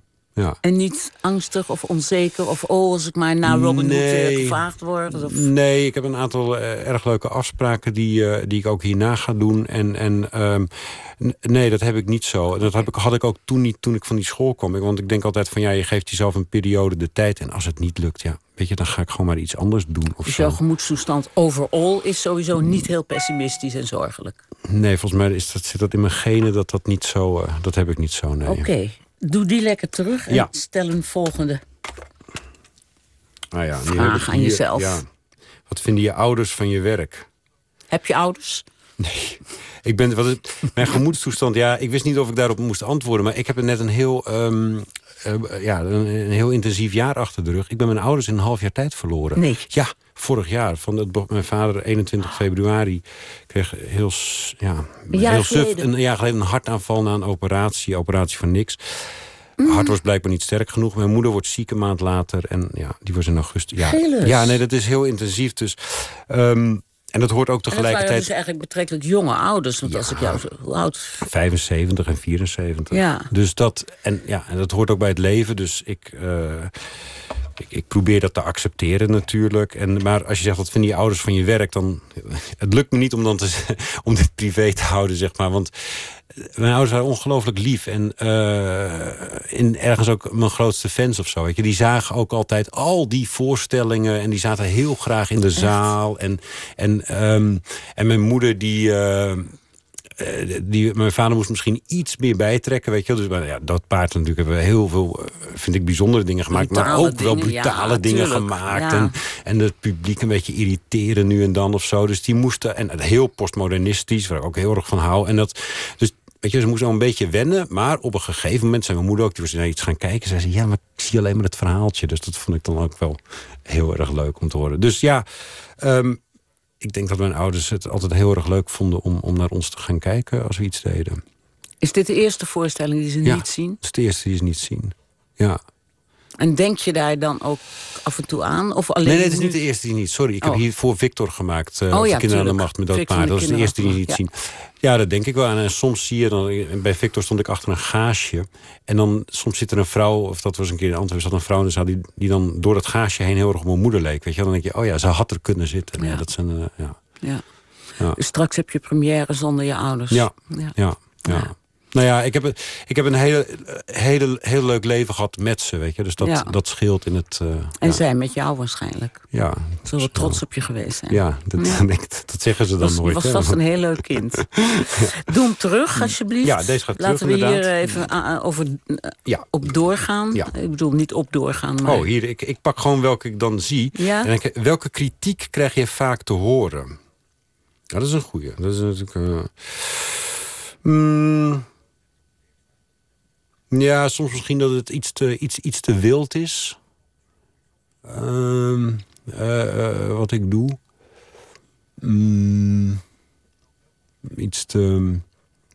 Iets te vreemdsoortig, dat krijg ik dan ook wel eens te horen als ik iets, eh, als ik iets doe. Wat is de kritiek die je op jezelf hebt? Wat vind je zelf je, je zwakke punt of je moeilijke punt... waar je eigenlijk altijd tegenaan loopt? Mm. Ja, dat zijn soms. Dat verschilt een beetje per voorstelling. Dat zijn soms ook hele technische dingen. Dan denk je, hè, krijg ik dat nou nog steeds niet eh, onder de knie? Bijvoorbeeld? Ja, gewoon een zin die moet aansluiten. Weet je, gewoon dat, dat soort dingen. Of een- dat je op tijd ergens moet staan. En dan sta je toch weer net weer ergens anders. Of, ehm, Omdat je hoofd chaotisch is ja, om- omdat je, zeker in de beginfase ben je nog met zoveel bezig, weet je wel. En, ehm, ja, en soms eh, kritiek op mezelf, soms iets, iets meer rust in het geheel willen brengen. Dat zou ik wel, eh, ja. ja. ja. Maar je hebt dus ook niet dat mensen altijd tegen jou zeggen van... Gilles, niet altijd Ja, dat of dat. nee, nou ja, dat, we hebben natuurlijk met Dood Paard hebben we onszelf altijd eh, ehm, ja, eh, geregisseerd of zo. Dus dat, daar kwam dat niet zo voor eigenlijk. Nee. Misschien, misschien dat dat, ja, is er wel iets wat ik altijd wel weer doe, vast wel. Maar Ja. ik heb het nog niet echt te horen gekregen in die zin. Dus die gaat terug? Ga terug, gaan we eens een hele andere pakken. Ja. Oh, heb je wel eens... Het een beetje een suffe deze. Maar heb je wel eens stiekem een foto van iemand gemaakt? Eh, I'm not interested. ja, vast wel. Tuurlijk. Ja. Ja. Heb ik wel eens gedaan. Ik kan me nu niet voor de geest halen van wie ik dat dan heb gedaan. En maar- ook niet op eh, Instagram of, of, of gezet. Nee. Waardoor iemand zijn leven helemaal verwoest was. Nee, nee, daar ben ik helemaal tegen. Tijdens een Nee. liefdescène dat je een foto maakte. En, En dan en- eh, en nu- ja, dat nee. een beetje een sappig verhaal voor Ja. in de nacht. Nee, die heb je niet. Nee, helaas. Helaas. Dan vind ik het een suffe vraag. Dan gaan we door naar een volgende. Ah, hier kan je leven van wat je doet. Eh, Ja. ja. ja, kan ik van leven. Word je er rijk van? Nee, je wordt daar niet heel rijk van. Maar dat vind ik ook helemaal niet erg. Nee. had ik ook nooit, toen ik op die toneelschool zat, had ik niet het idee, ik ga rijk worden. Maar je hebt altijd kunnen leven van je Ja, werk. ja, ja. Ik heb altijd gewerkt eigenlijk en daarvan van kunnen leven. Ik heb je ook wel zien spelen, in Victor bijvoorbeeld. Ah ja. Maar eh, dan begrijp ik wel dat je altijd werk hebt eigenlijk. Oh, nou, dankjewel. Ja. Nou, doe maar de volgende. Ja, want eh, ja, even kijken, eh, ehm, blaper er eens een beetje door. Dat was een Dat beetje is, moeilijk. eh, nou, die, Ah, dit is een leuk, want dan moet ik wel even over nadenken. Wat is je favoriete personage uit boeken, films, theater? Ehm, ja. Er zijn natuurlijk altijd mensen die meer films en meer boeken en meer theater hebben gezien. Maar ik, ik hou wel heel erg van lezen en van films kijken natuurlijk. Ehm, ja, Raskolnikov is wel natuurlijk een heel erg... om eh, schuld en boete. ja, dat is ook toen ik dit las. Was dat het En waarom me- Raskolnikov? Vertel even waarom. ja, eh, dat, dat lucide gedrag. Dus hij, hij, hij, hij, pleegt die moord. En dan het lucide gedrag wat, wat dan ontstaat. En eh, wat er dan allemaal in zijn hoofd gebeurt. Dat vond ik zo eh, bijzonder om te lezen. En Want hij pleegt de moord op een buurvrouw of op zo. een buurvrouw. Op een verschrikkelijke manier. En dan loopt hij met die schuld door Sint-Petersburg. Dus en dan moet je door, door driekwart van dat boek heen.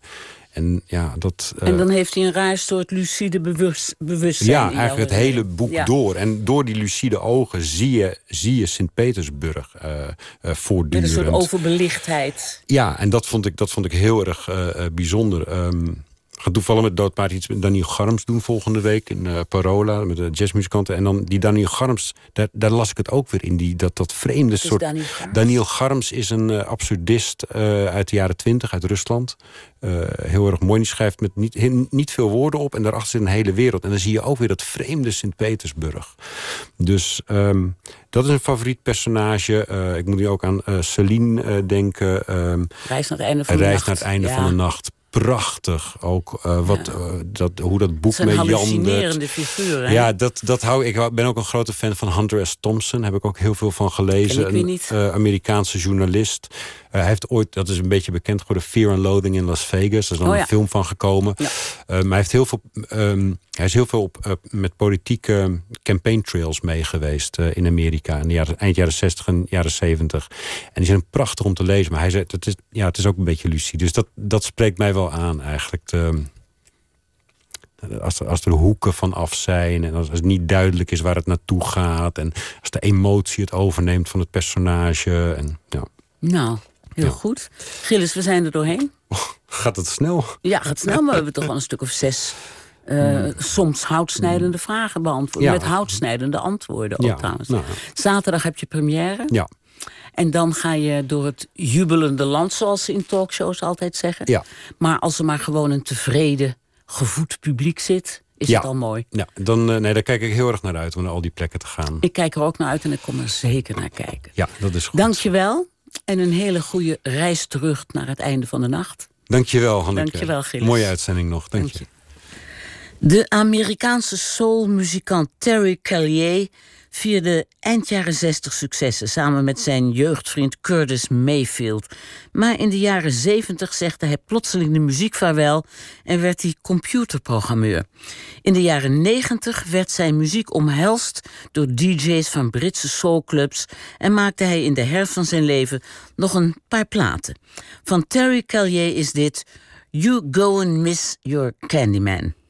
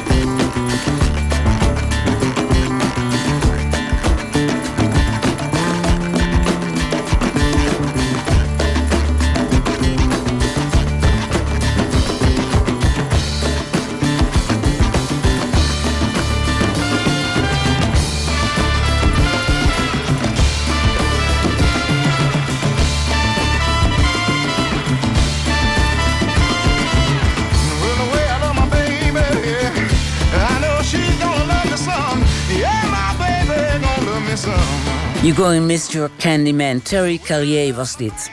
En wij gaan verder met 1 minuut. Een serie vol wonderlijke verhalen in 60 seconden. Dit is deel 2 van De Club. Pst, 1 minuut.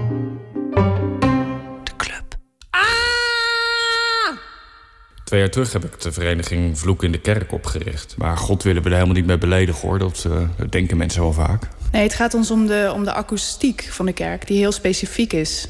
Ja, toen ik nog een jochie was, toen schreeuwde ik hier een keer eh, heel hard vanuit mijn tenen. Over iets waar ik eh, toen boos over was, verdrietig. De kerk was verder helemaal leeg. En die woorden die, die vlogen echt hier door de ruimte. Met zijn grootste galm. Het echode overal. Het zorgt echt voor, voor een enorme opluchting. Juist omdat het op deze manier eh, buiten jezelf raakt. Kan je het loslaten. In onze tijd kroppen we alles op. Daarom hebben zoveel mensen het aan hun hart. Laatst is mijn bedrijf failliet gegaan. En jouw ex-man, die... eh, Ja, mijn ex-man die heeft me laten zitten. Wil helemaal geen alimentatie meer betalen zelfs. Ontladen is noodzakelijk. Het werkt reinigend. En wie doen we er kwaad mee? Ik bedoel, al die kerken staan leeg. En op je zolderkamer met gipsplaten heeft het toch een heel ander effect hoor. Klote zooi! Klote zooi! De tv-documentaire Een Nieuwe Morgen. Oh, u hoorde het, u luisterde naar één minuut, hè, dat weet u wel. Door Jennifer Patterson trouwens.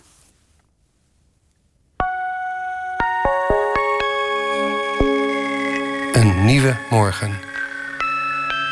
Een serie korte geluidsimpressies over een experiment in een verzorgingshuis in Utrecht-Oost, waar hoogbejaarden samenwonen met jongeren.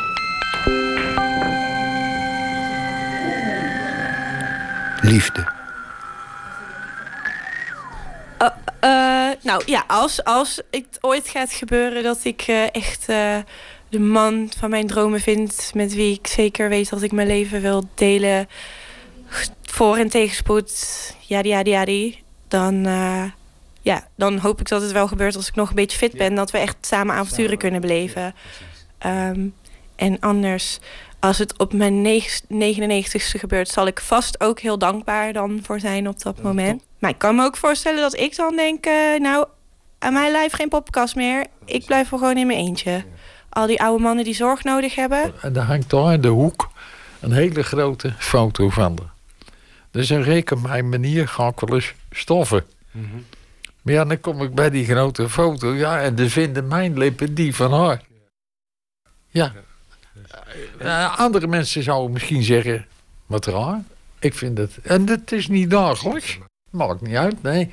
Maar eh, ik bedoel, ze is gewoon bij me nog. Maar in het algemeen geloof ik best dat je nog verliefd op elkaar kunt eh, worden.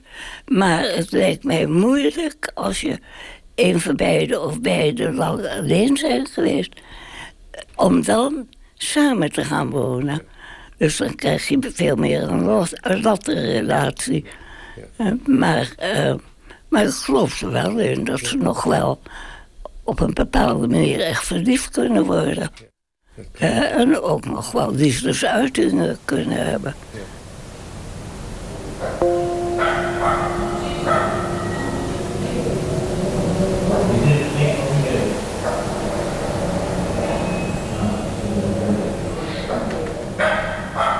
ja, ja, ja, ja. ja. Was heel leuk hoor. Dat heb jij nog meegemaakt. Mevrouw Drok en meneer eh Kooi. En die woonden hier allebei op de gang. En, nou, ik vond het enig. Ik vond het wel leuk. Dat, eh, en zo zijn er nog wel een paar eh, relaties geweest, maar die ken ik niet zo goed. Maar die twee nou, En uiteraard. uiteindelijk eh, is er toch met een van de dames op de gang, waarvan ik ook al eigenlijk wist welke dame het zou betreffen, eh, is er eigenlijk nog wel een leuke relatie ontstaan. En eh, ja, dus dat gebeurt wel. Nee, ik heb echt wel het gevoel dat, eh, dat ze echt wel gevoelens voor elkaar hadden. Ik heb ze verder natuurlijk nooit intiem met elkaar gezien, maar ze liepen wel leuk gearmd eh, eh, naar de gaard, naar het winkelcentrum of eh, soms gingen ze naar de kerk met z'n tweeën. Ja, maar ik heb, het, ik heb het ook aan Bianca uitgelegd. Ze zegt, oh, snap ik het. Weet je wel?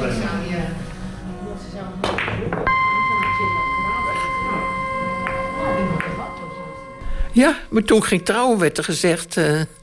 eh, getrouwde vrouwen die mogen niet blijven werken. Dus toen kreeg ik ontslag. Ja. Sommigen hebben gekozen om niet te trouwen, zodat ze bleven werken. Ja. Maar, maar jij was te verliefd. Ja, en dat, nou, dat vond, dat vond nee, dat eh, geloof ik wel, dat het niet bij ons goed zou zijn. Nee.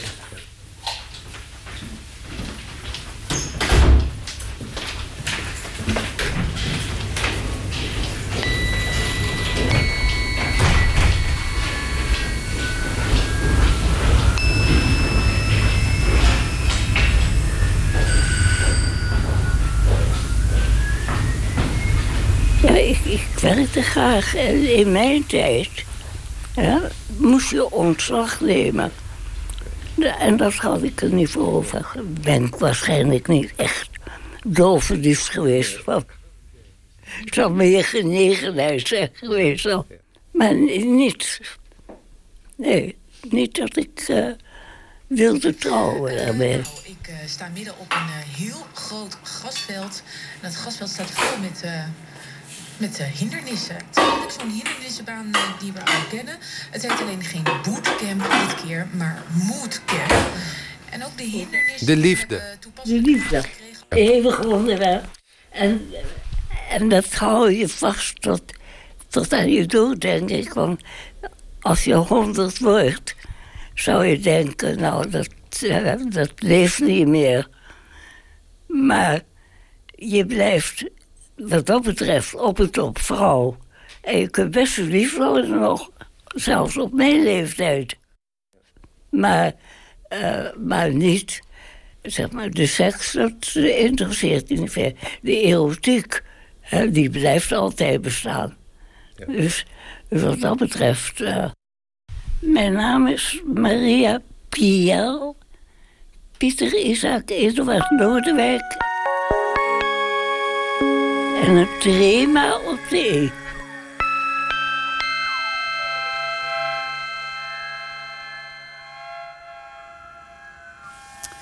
Ja, dit was het laatste deel dat we van de podcast Een Nieuwe Morgen laten horen. Het is gemaakt door Spinvis. Op dinsdag 5 maart is de documentaire op televisie te zien. De film van Kim Brandt met muziek van Spinvis.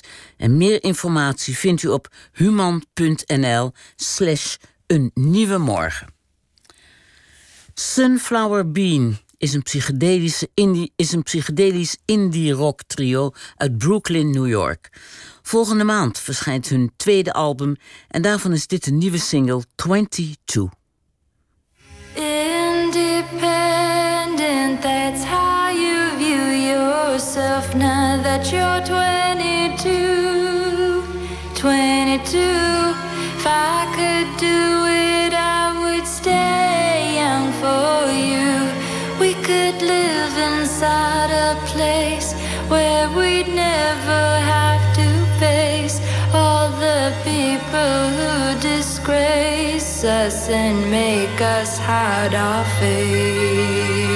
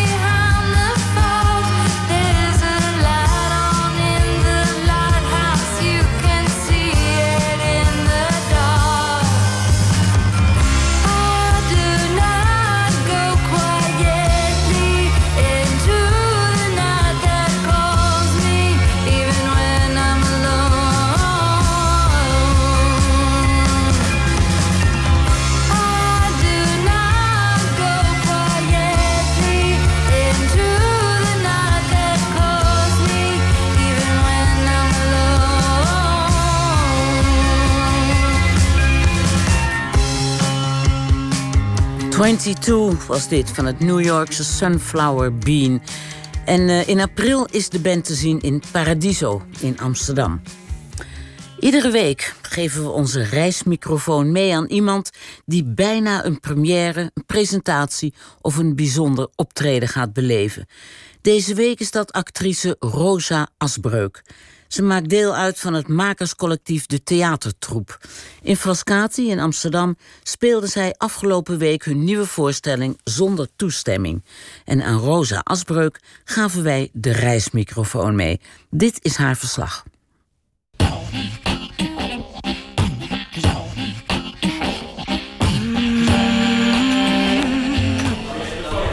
Hallo, goedenavond.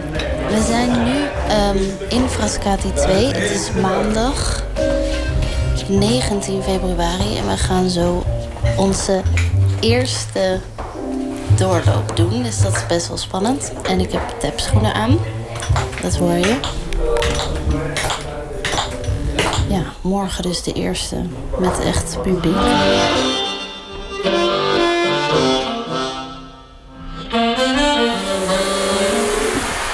Het is nu dinsdag 20 februari. En ik sta nu in de zaal waar eh, gestofzuigd wordt. Want we hebben namelijk een soort installatie waar rijst uitkomt. En dat moeten we elke, elke ja, dag natuurlijk ook weer opruimen. In de pauze delen we bier uit. En eigenlijk delen we ook al bier uit als het publiek binnenkomt. Dus dat is eigenlijk wel, ja, dat vinden we leuk en gastvrij om te doen. En eh, ja, vanavond is de eerste, dus dat is wel eh, heel erg spannend. De eerste met publiek.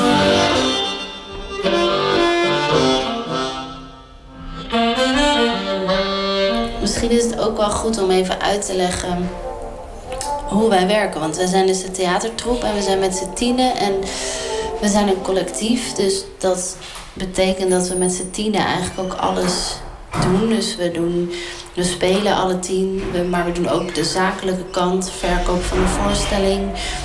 Eh, ja, en ook het materiaal wat in de voorstelling komt, daar, dat verzamelen we eigenlijk alle tien. En daar, daar maken we dan een soort selectie uit. En eigenlijk de eerste keer met publiek, zoals dus vanavond, is ook eigenlijk de eerste keer dat we het helemaal voluit doen en spelen. De, de voorstelling gaat ook echt veranderen. Dus als je de eerste voorstelling ziet en de laatste voorstelling, dan eh, zul je ook wel heel erg zien dat er dingen dus veranderd zijn.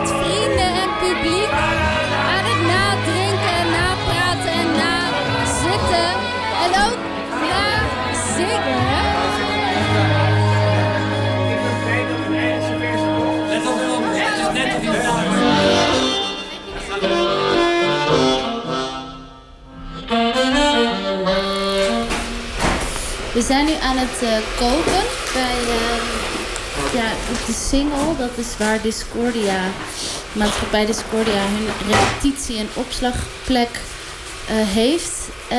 Patrick, kan je even vertellen wat we gaan, wat we gaan maken? Ehm, op het menu staat vanavond ehm, kip, kip drumsticks, biologisch uiteraard. Dan zullen daarnaast spruiten geserveerd worden ehm, met eh, een eh, spekje erin. Ehm, daarnaast zal er een Siciliaanse eh, bloemkoolschotel geserveerd worden. En ik zou willen toevoegen, wat misschien belangrijk om daarbij te vertellen is, is dat het ontiegelijk belangrijk is om voordat je gaat spelen goed te eten. Ik bedoel, dansers doen dat ook bijvoorbeeld, maar toneelspelers moeten ook goed eten om goed te kunnen spelen.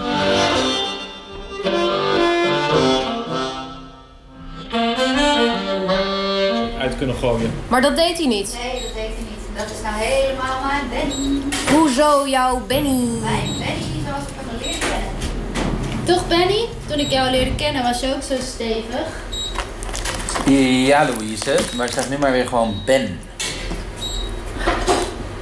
Vind je dat Benny niks?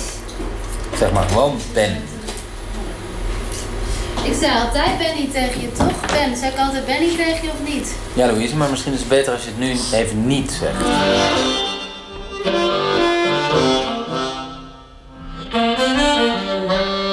Soms dan denk je gewoon, waarom doen we onszelf dit aan? Nou, vanavond was zo'n avond. Niet om daar heel dramatisch over te doen. Maar ja, het was een avond waarin het dan niet op zijn plek valt. En dan is het morgen première. En dan komen er heel veel recensenten kijken. En dat is toch altijd wel heel spannend. Vooral als je het gevoel hebt dat je het nog niet helemaal in de vingers hebt. En tegelijkertijd denk ik ook... Ja, wat, wat ze ook schrijven, wat ze ook vinden... Het blijft, het is en blijft voor ons... dat wat we nu hebben, willen en moeten maken. En daar geloof ik ook heel erg in.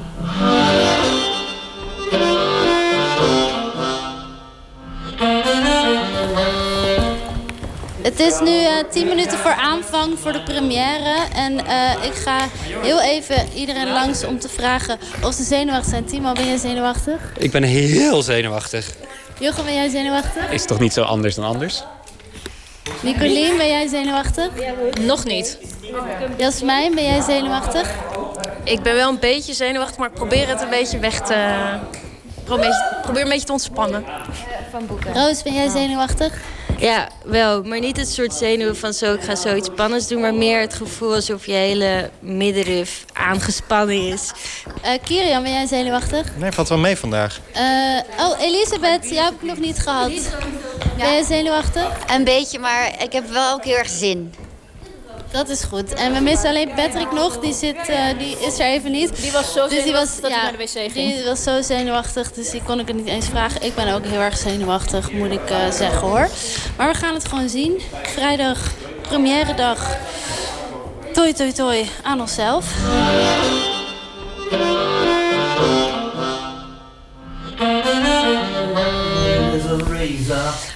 Het is nu zaterdag eh, 23 februari en we zijn aangekomen aan de laatste voorstelling hier in Frascati. En gisteren hadden we première. En dat, ehm, ja, dat was heel, toch wel echt heel erg spannend. En eh, er zaten, denk ik, vijf recensenten in de zaal. En je merkte gewoon aan ons allemaal dat we zelf de voorstelling nog niet zo goed in onze vingers hadden. Dus dat het daardoor extra spannend was. Maar we hebben vandaag wel een eh, van Elise van Dam in de theaterkrant. Een hele leuke en goede recensie gehad, waar we erg blij mee zijn. Maar vooral een heel mooi verhaal over hoe wij eigenlijk als groep, als de theatertroep, het Vaudeville Theater terug proberen te krijgen in deze eeuw. En dat ons dat ook lukt. En dat het eigenlijk altijd gegarandeerd een goede en leuke avond is bij ons. Dus daar waren we wel heel erg blij mee.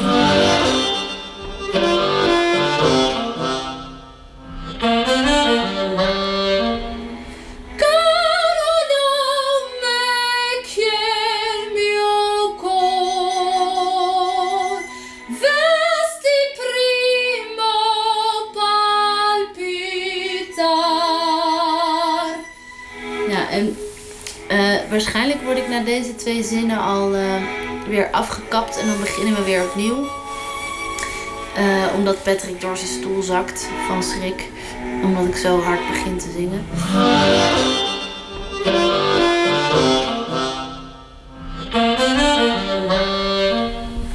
Het is nu eh, dinsdag 27 februari. En ja, de afgelopen dagen waren toch wel na de première zo. Was echt wel heel spannend en ook wel verwarrend. We hebben eigenlijk nog nooit gehad zo na een voorstelling dat de meningen zo verdeeld zijn. Ja, hoe, hoe, ja, ik vind het ergens ook stom, maar hoe stom het ook is, dat je toch heel erg benieuwd ben naar wat recensenten er dan over schrijven. Eh, dus het is een beetje met ups en downs eigenlijk, zo, zoals het leven zelf.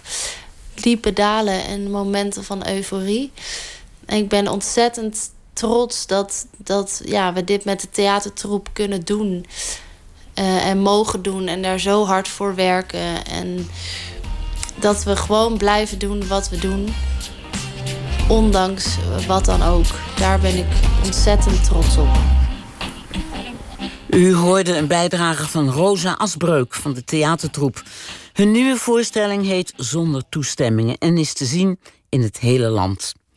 En nu gaan we muziek draaien van de Londense electropopband Hot Chip. En dit is Huarachi Lights. Huarachi Lights.